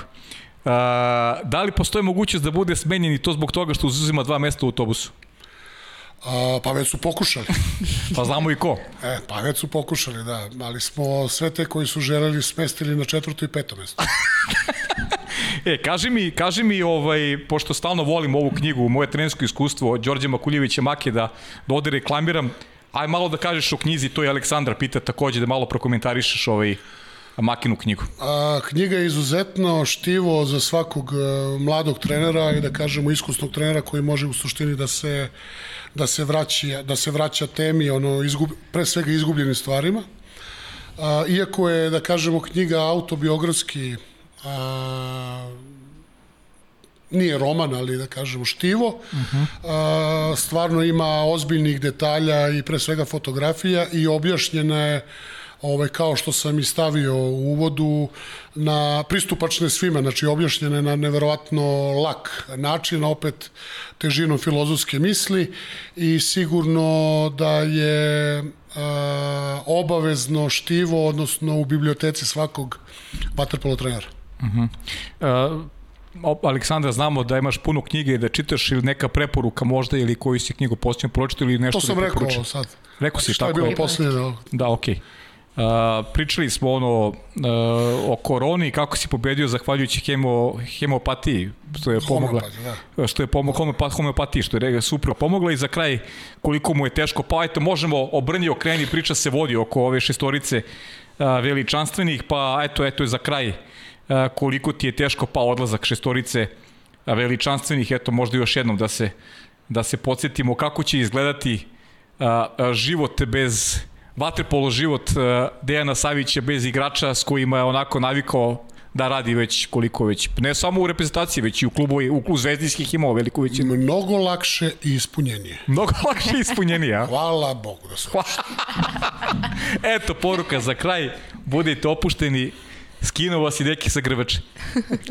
Deki, kaži mi ovo, posle ova dva sata, a, neću te da te podsjećam šta smo pričali nakon one prethodne emisije, kaži mi kako si sada zadovoljan i, i da li ima nešto što bi volao da kažeš za kraj, a nisam ti pitao, a znam šta ti nisam pitao, e, kako izgleda, da li je već počela priprema za sledeću godinu koja će biti izuzetno bogata, imaš svetsko, imaš evropsko prvenstvo, zgusnut kalendar i ulaziš u jedan novi početak. A, brzo mi je prošlo, bilo je fenomenalno i u suštini a, odgovor na pitanje to, to što si rekao poslednje, to jedino što nismo Da, ajmo a, to da pričali. obavljamo. Uh -huh. A, spomenuo sam dva, tri puta u suštini da, da, se, da, da će plan vrlo brzo da se, da se napravi. Čekam u suštini a, kalendar određenih takmičenja i jedina stvar je a, što je zanimljivo, a to je sledeće godine da će da bude, da treba da bude svetsko prvenstvo u Japanu, u Fukoki od u maju mesecu i evropsko u Splitu krajem, krajem avgusta, početak septembra. Celokupna situacija oko olimpijskih igara i Formule 1 uh -huh. verovatno u Japanu neće biti svetskog prvenstva, tako da se traži organizator između, vidjet će se između ruskog, u stvari, kazanja u Rusiji, odnosno Dohe u Kataru. A, prvenstvo će morati da stane negde, domaće prvenstvo će morati da stane negde 9. aprila, da bi se dao okvirno vremena za pripreme. Ne znam šta će da bude u vezi regionalne lige, to sada mislim treba da, da, da pričaju glavešine na evropskom prvenstvu u Šibeniku za, za devojčice i šta smo imali još svega toga, u suštini kalendar a, se čeka da se vidi. Biće, biće izuzetno naporno zato što a, domaće prvenstvo, regionalna liga, liga šampiona imamo dosta a, klubova koji će da učestvuju na raznim poljima. Final 8 treba da se završi 2. jula, znači pomerenje čak za mesec dana i to su, da kažemo, neke informacije koje su možda zanimljive gledalcima.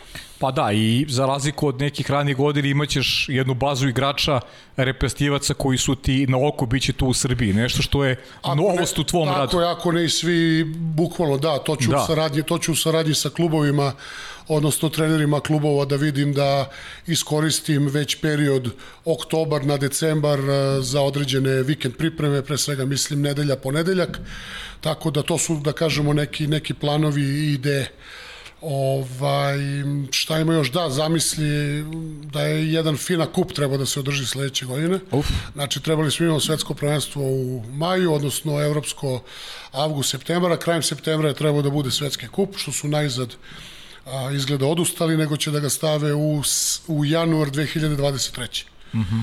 Tako da, već to ovaj, buđenje kalendara. A svetska liga? Ovo se igra sledeće godine ili? Mm, mislim da hoće po kom principu, ne zna se. Da, da. Znači, bogat raspored. Da. Dobro, i nisi mi odgovorio samo eto za kraj koliko si zadovoljan Ne, rekao sam okay, ti, zadovoljan sam sve okay, i baš ovo u suštini mi je falilo, uh mhm. -huh. ovo, da kažem isto gledalcima i tebi otprilike okvirni plan šta nas čeka u, u narednoj godini ili sezoni, ali sve, sve je bilo ovaj, kako treba, napravili smo jednu ovaj, mikroanalizu ovaj, proteklih oh. godinu dana. Bravo. Saro, imaš ti nešto za kraj? Nemam, to je to. Sve smo rekli, meni je bilo stvarno prijatno. Drago mi je i stvarno nam je čast što ste došli. Hvala. E, I to je to, nemamo sledeće goste, ali tako? Ne, nemamo ništa dogovoreno, momci su na, na odmorima, možda ćemo i mi da puziramo sledeće nedelje, možda nam se neko priključi, vidjet ćemo o tom potom, imam jednog ovaj, gosta koji se pojavio na slici u jednom momentu, ali vidjet ću da li će ovaj biti spreman da se pojavi, ako ne napravit ćemo jednu pauzu, imali smo ekskluzivca pravog ovde i Dejane, hvala ti puno što si bio naš gost, hvala ti puno što si podelio sve, sve te utiske i podelio sa nama i planove za, za budućnost. I ono što mogu da ti obećam, ovaj, nećeš se izvući, bit ćeš ti na toj stolici još mnogo, mnogo puta. Hvala puno, šta da vam kažem, stvarno je bilo uživanje, ovaj, laka pitanja za odgovor. I ovih četiri sata je proletelo kao da. Deki, odmori se lepo, znam da te čeka sada i odmor, pa nastavljamo da se družimo kad se, kad se vratiš u Beograd i mnogo sreće u budućnosti. Nastavi da budeš tako genijalan kao što si bio i ovaj, siguran sam da ćeš da daš sve od sebe da reprezentacija bude stabilna i dalje, a naravno i drugi igraju vaterpolo, pa vidjet ćemo šta će biti. Hvala vam puno i a sada dio. A sada dio. Ćao ljudi, uživajte u ovoj prelepoj emisiji. Svako dobro. Ćao, ćao.